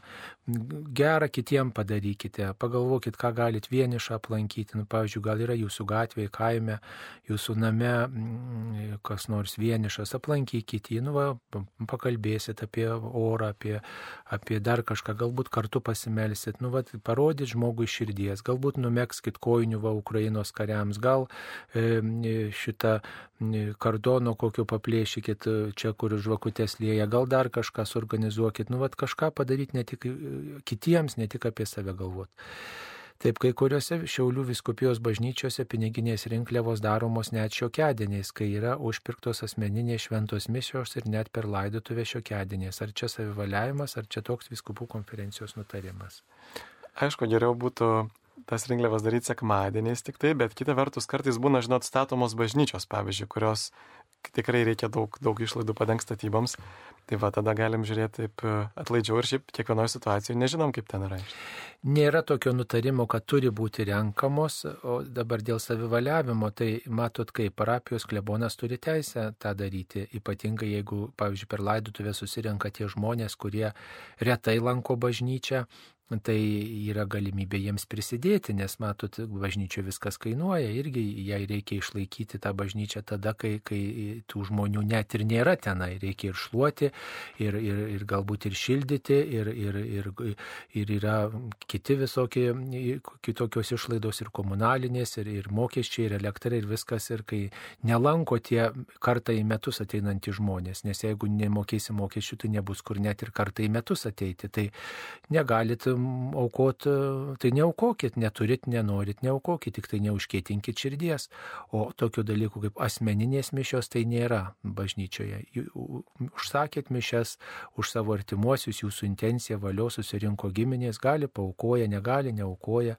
Nu, tiesiog čia laisva valia yra. Praeina, paprašo, galbūt va, šildymui renka, gal dar kažką, paprašo, paprašyti, ar čia nuodėmi, paprašyti, va, e, paukokit. Taigi tuos pinigus nesau krauna bažnyčios labui, parapijos labui.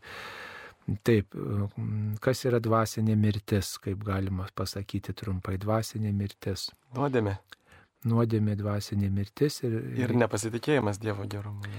Nenoras atgailauti. Ar reikia bažnyčioje vyrams nusimti kepurės? Nu, mūsų kultūroje reikia nusimti, tai mūsų kultūroje tai reiškia tam tikrą pagarbą, nusižeminimą. Kai pasisveikinat, ar jūs dar užsimaukšlinat labiau kepurę su kitais žmonėmis, jūs nukeliat kepurę, reiškia, va, mūsų kultūroje taip, tai mes tą ir švenčiame. E, nu, va, bažnyčioje atėję, pagarbinam viešpatį. Mano nuomonė, vargšai ukrainiečiai kasdien žiūri į griuvėsius ir tuos tankus, o aš už tai, kad neužmigtume taip teisingai O gal ir nereikėtų po kiekvienos gailestingumo vainikėlio transliacijos sakyti, kad jis tiesiogiai transliuotas iš gailestingumo šventovės, nes jis tikrai ne visada. Nu, nežinau, ar visada, ne visada yra transliuojamas, kai beveik visada yra iš gailestingumo šventovės. Nu, taip, kai ne iš gailestingumo, tai aišku, nereikėtų sakyti, bet yra toks paruoštas ženklas, e, tas kaip jis lietuviškai šaukinys, tai Tai ir išeina kartais. Nu va, ačiū, kad jūs tokie pastabus, nuostabu, kad jūs taip klausot Marijos radijo, kartai, žinot, galvoju, klauso koks 20 žmonių čia per Lietuvą, o aš čia vargstu, na, nemiegu naktim, klausyk, prakaituoju, organizuoju. O čia pasirodo, klauso žmonės. E, Kazimiero knygynas, Švento Kazimiero knygynas Kaune sekmadieniais uždarytas, žmonės išeina iš bažnyčios, norėtų nusipirkti katalikiškos literatūros, neturim tam galimybės, kas gali pakeisti darbo valandas krikščionių švietimo vardan, tikinčiųjų grupė. Nu tai knygyno vedėja gali pakeisti, ne Marijos radijas tikrai, mėly mano. Tai e, šitą, nu, jie gal vadovaujas tokia teorija, kad tu, nu, kaip sakyti, principu tokiu sekmadienį nedirbk ir, ir tai pardavėjai reikia ir mišes nueiti ir su šeima pabūt.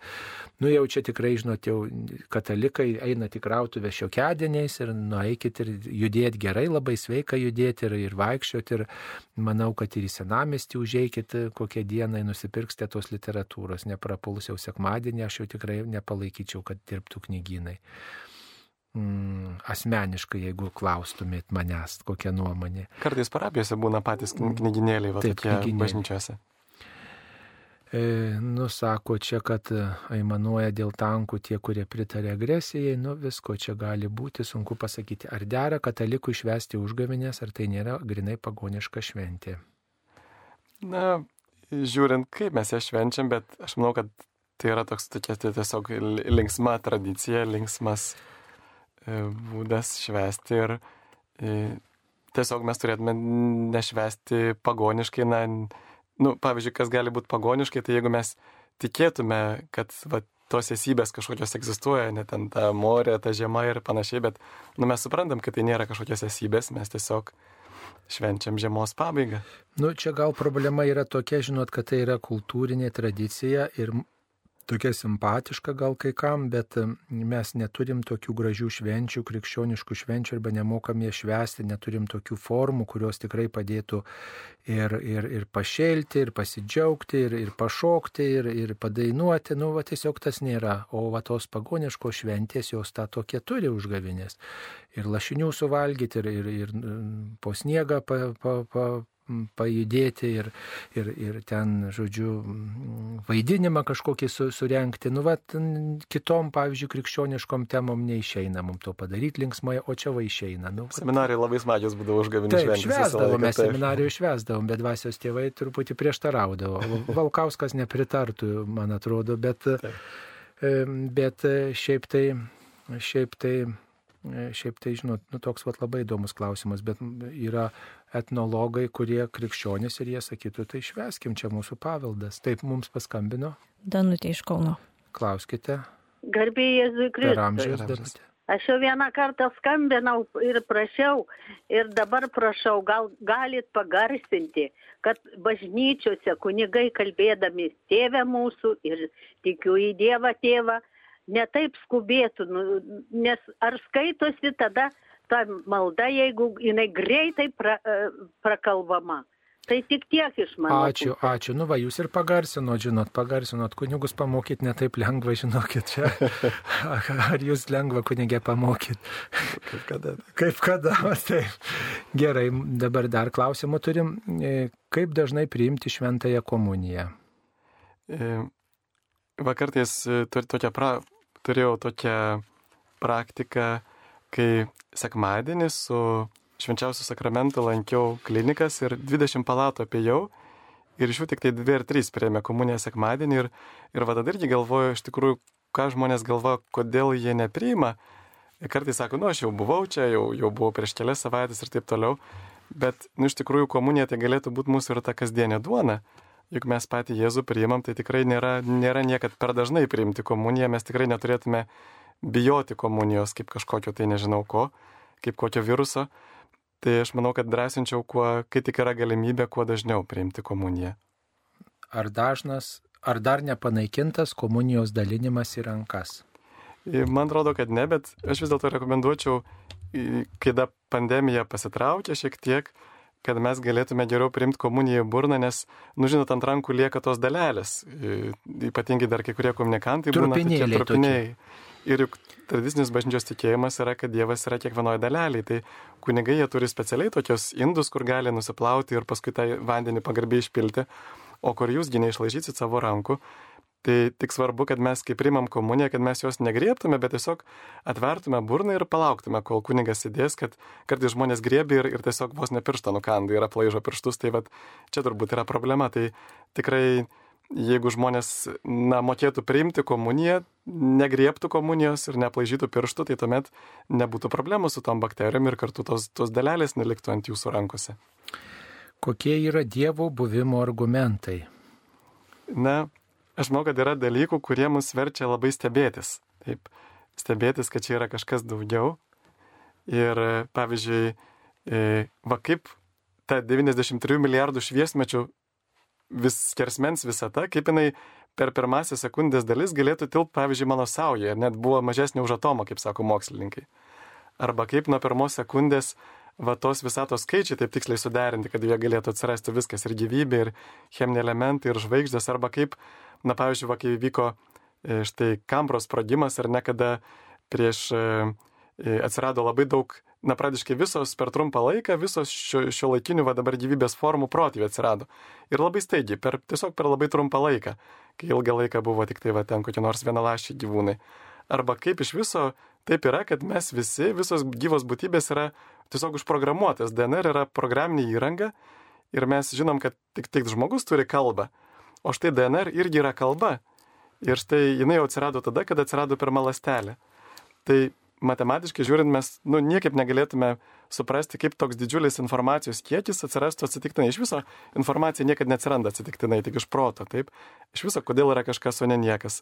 Kodėl mūsų visą tai yra suvokiama protu, va, kaip Einšteinas sako, kad tai yra stebuklas, kad mes galim suvokti visatą, galim ją tyrinėti, kodėl protingi mokslininkai ten per šimtus metų negali įminti gyvybės atsiradimo kitų paslapčių, nors ten kavos tiršių turbūt netrinėtų šimtų metų, kur ten tik tai atsitiktinumas kodėl visą tai yra matematiškai tvarkinga, kodėl matematikas, pavyzdžiui, gali apskaičiuoti, kur ten planeta skrieja ir va, kodėl egzistuoja grožis, gėris, tiesa ir mes tarsi turim tą įrašytą tokį siekimą. Tai yra, kodėl iki mūsų dienų Jėzus vardu vyksta daugybė stebuklų, kuriuos net mokslas gali ištirti ir, ir negali paaiškinti. Tai visi tie dalykai liudija Dievo buvimą. Ar evoliucijos teorija neprieštarauja Biblijai? E, na, čia mes turėtume atkreipdėmėsi į du dalykus. Visų pirma, kaip mes aiškinam Bibliją va 20 amžiuje buvo toksai kilęs kaip atsakas į per daug liberalų Biblijos aiškinimą, kai buvo sakoma, kad, nu, tai čia visi stebuklai yra tik tai metaforos ir taip toliau. Ir tada e, protestantų tam tikri e, tipros grupės sukilo ir sako, va štai yra paskelbę fundamentalizmo tam penkis principus ir vienas iš jų, kad Biblijoje nėra jokių klaidų, viską reikia aiškinti pažodžiui. Tai va, kai mes pradedame aiškinti, kad pasaulyje yra 6000 metų, tai aišku, kad tai prieštarauja Biblijai. Bet kita vertus ir ką mes turime minti, kalbėdami apie evoliuciją, taip, juk e, e, kas neprieštarauja, tai sakyti, kad tam tikrus dalykus Dievas kūrė per natūralius procesus. Ne viską Dievas daro per stebuklą, taip, kad, e, va ir žiūrėkime, mūsų gyvenime, juk mes daug ką irgi natūraliai patys padarome, Dievo apdovanoti, bet stebuklai vyksta retai. Tai vad, galbūt klaidingas požiūris būtų manyti, kad viskas atsirado, na, nu, kaip pasakyti, kad visur, visur veikia Dievo stebuklai, taip, bet galbūt kai kur veikia Dievo sukurtos mašinos, kurios pačios gali veikti. Bet ir tie patys mechanizmai irgi ir nurodo į Dievo buvimą, tos sudėtingos mašinos, kurių negali redukuoti kažkokius paprastus. Arba pavyzdžiui, vat, e, mes irgi bandom šio laikinis mokslas niekaip, niekaip nenori įsileisti to kurėjo egzistavimą ir viską bando paaiškinti per materialistinius procesus. Tai va čia jau yra prieštaravimas, nes, nu kaip tu, pavyzdžiui, materialistiškai paaiškintum, pavyzdžiui, laikraštyje esančią informaciją, taip. Nu, tu gali, kaip pasakyti, kad ten dažai ir taip toliau, kad ten presas, bet, bet tai ta informacija atsirado iš proto. Ir štai dar vienas jisai niekaip nepaaiškina, kaip atsirado visų pirma pirma gyvybė, jis nieko apie tai nemini rūšių kilmiai, jis niekaip nepaaiškina, kaip atsiranda informacija, ir kaip, informa, vat, kaip atsiranda naujos rūšis, kuriuose yra labai daug naujos informacijos ir kad, na, natūraliai atranka jinai per silpna, kad tai galėtų paaiškinti. Taip, ir mes matom, kad labai trūksta tarpinių grandžių. Štai Darvinas žinojo apie Kambros sprendimą, kad ten štai daug gyvybės formų atsirado vienu metu, bet jis galvoja, kad paskui atsiras tarpinių grandžių, bet yra priešingai. Per šimtą keliasdešimt metų ne tik, kad tų darbinių grandžių neatsirado pakankamai, bet dargi ir padaugėjo tų E, gyvybės formų planų, kuriams reikia vėl naujų, proti, naujų reiškia, baltymų, naujos informacijos. Taigi e, taip pat nėra protėvių, nėra randama protėvių tam tikrų, pavyzdžiui, vabžių protėvių niekas neranda, augalų protėvių, ten paukščių, plunksnų protėvių ir taip toliau. Ir va, todėl, pavyzdžiui, toksai e, biologas Steven J. Goldas, va, jis irgi kalba, kad paleontologijos duomenys rodo, kad evoliucija vyksta šuoliais. Ne taip, kaip Darvinas sakė, kad po mažais, mažais e, tokiais e, pokyčiais, bet šuoliais. Ir vėlgi jisai nepatikė jokio mechanizmo, kaip tai yra, kaip evoliucija gali vykti šuoliais. Tai va štai mes matome tą, kad mes turbūt galbūt ir galim kalbėti apie bendrą protėvį, taip, kad nu, mes turim daug bendros, pavyzdžiui, genetinės informacijos bet mes negalim kalbėti apie tai, kad vien tik atsitiktiniai mechanizmai, kaip dar vienas sako, kad natūraliai atranka jinai neturi daugiau tikslo negu vėjo kursas. Pavyzdžiui, vad vėjas blaškosi kažkur, tai maždaug ir gamtoje viskas va taip pat blaškėsi ir natūraliai viskas atsirado. Bet e, moksliniai duomenys rodo kaip tik priešingai, kad evoliucija vyksta tam tikrais tarsi iš anksto pramintais takais. Va, pavyzdžiui, akis ne, yra labai sudėtingas organas, bet jisai nepriklausomose grandise išsivystė mažiausiai septynis kartus. Toks mokslininkas Simon Convey Morris sako. Tai reiškia, kad kaip gali, nu, pradiškai laimėti e, loteriją daugybę kartų reikia visą laiką. Tai, tai čia žodžiu, kad netgi tie evoliucionistai, darvinistai, jie dabar pradeda ieškoti kitos teorijos negu Darvino teorija, kad bandytų paaiškinti, va, iš kur atsiranda ta nauja informacija ir jiems nepavyksta rasti. Tuo tarpu į bažnyčias e, labai dabar sklinda va štai tas e, tendencija priimti va šitą būtent Darvino teoriją, e, kad jinai net neprieštarauja ir iškia Biblijai, bet būtent mes jau pavalavom, kaip tik šiuolaikinis mokslas, darvinistai, kaip jie bando ją atmesti. Tai vad, sakyčiau, nereikėtų skubėti priimti E, tos va, tokios atsitiktinės evoliucijos teorijos, bet kartu mes galim sakyti, kad yra aišku vieta ir atsitiktinumui. Nu, bet, pavyzdžiui, jeigu aš turiu laikrodį, kuris pasikrauna nuo atsitiktinio judesio, tai tas laikrodis, tai aišku, kad svarbiau yra laikrodžio mechanizmas negu tas atsitiktinis judesys. Taip, tai, tai va, žodžiu, galim kartu ir pripažinti, kad Dievas kuria per natūralius procesus, ne tik per stebuklus ir kad mes tikrai žinom, kad visata yra 13,8 milijardo metų, o ne ten 6000 metų bet vat yra ir gražu, kaip pradžios knygos sakoma, ir Dievas tarė, ir Dievas tarė, nes jis vis prideda informacijos. Tai vat, nu čia yra dar didelė paslaptis, bet mes neturim jokio žalio supratimo iš viso, kaip atsirado gyvybė, e, kuri galėtų vat, evoliucionuoti. Na ir dar vienas klausimas. Neseniai bažnyčioje pamačiau skaitmeninį aukų rinkimo aparatą ir nuskaityti galima pinigų su be kontakte kortelė ar šios naujovės etiškos. Taip, aš manau, kad tikrai, kaip ir kiekviena technologija, negalima sakyti, kad naujos technologijos yra netiškos, kaip tik Dievas taip sukūrė pasaulį, kad mes galėtume kurti technologijas ir palengvinti savo gyvenimą. Tai... Čia klausytoja Danielė dėkoja Jums už tikėjimo vartų laidą ir kviečia dažniau kalbėti apie Tomą Kvinietį. Tai va toks pasiūlymas. O, labai geras patarimas. E, ačiū kunigui Sigitų Jurkštui, jis yra tikras Marijos radio lobis, savanoris kunigas, Dieve laimin kunigas Sigita. Ir taip pat prie mikrofono buvau aš, kunigas Saulis Bužauskas. Būkite palaiminti, ačiū su Dievu. Su Dievu.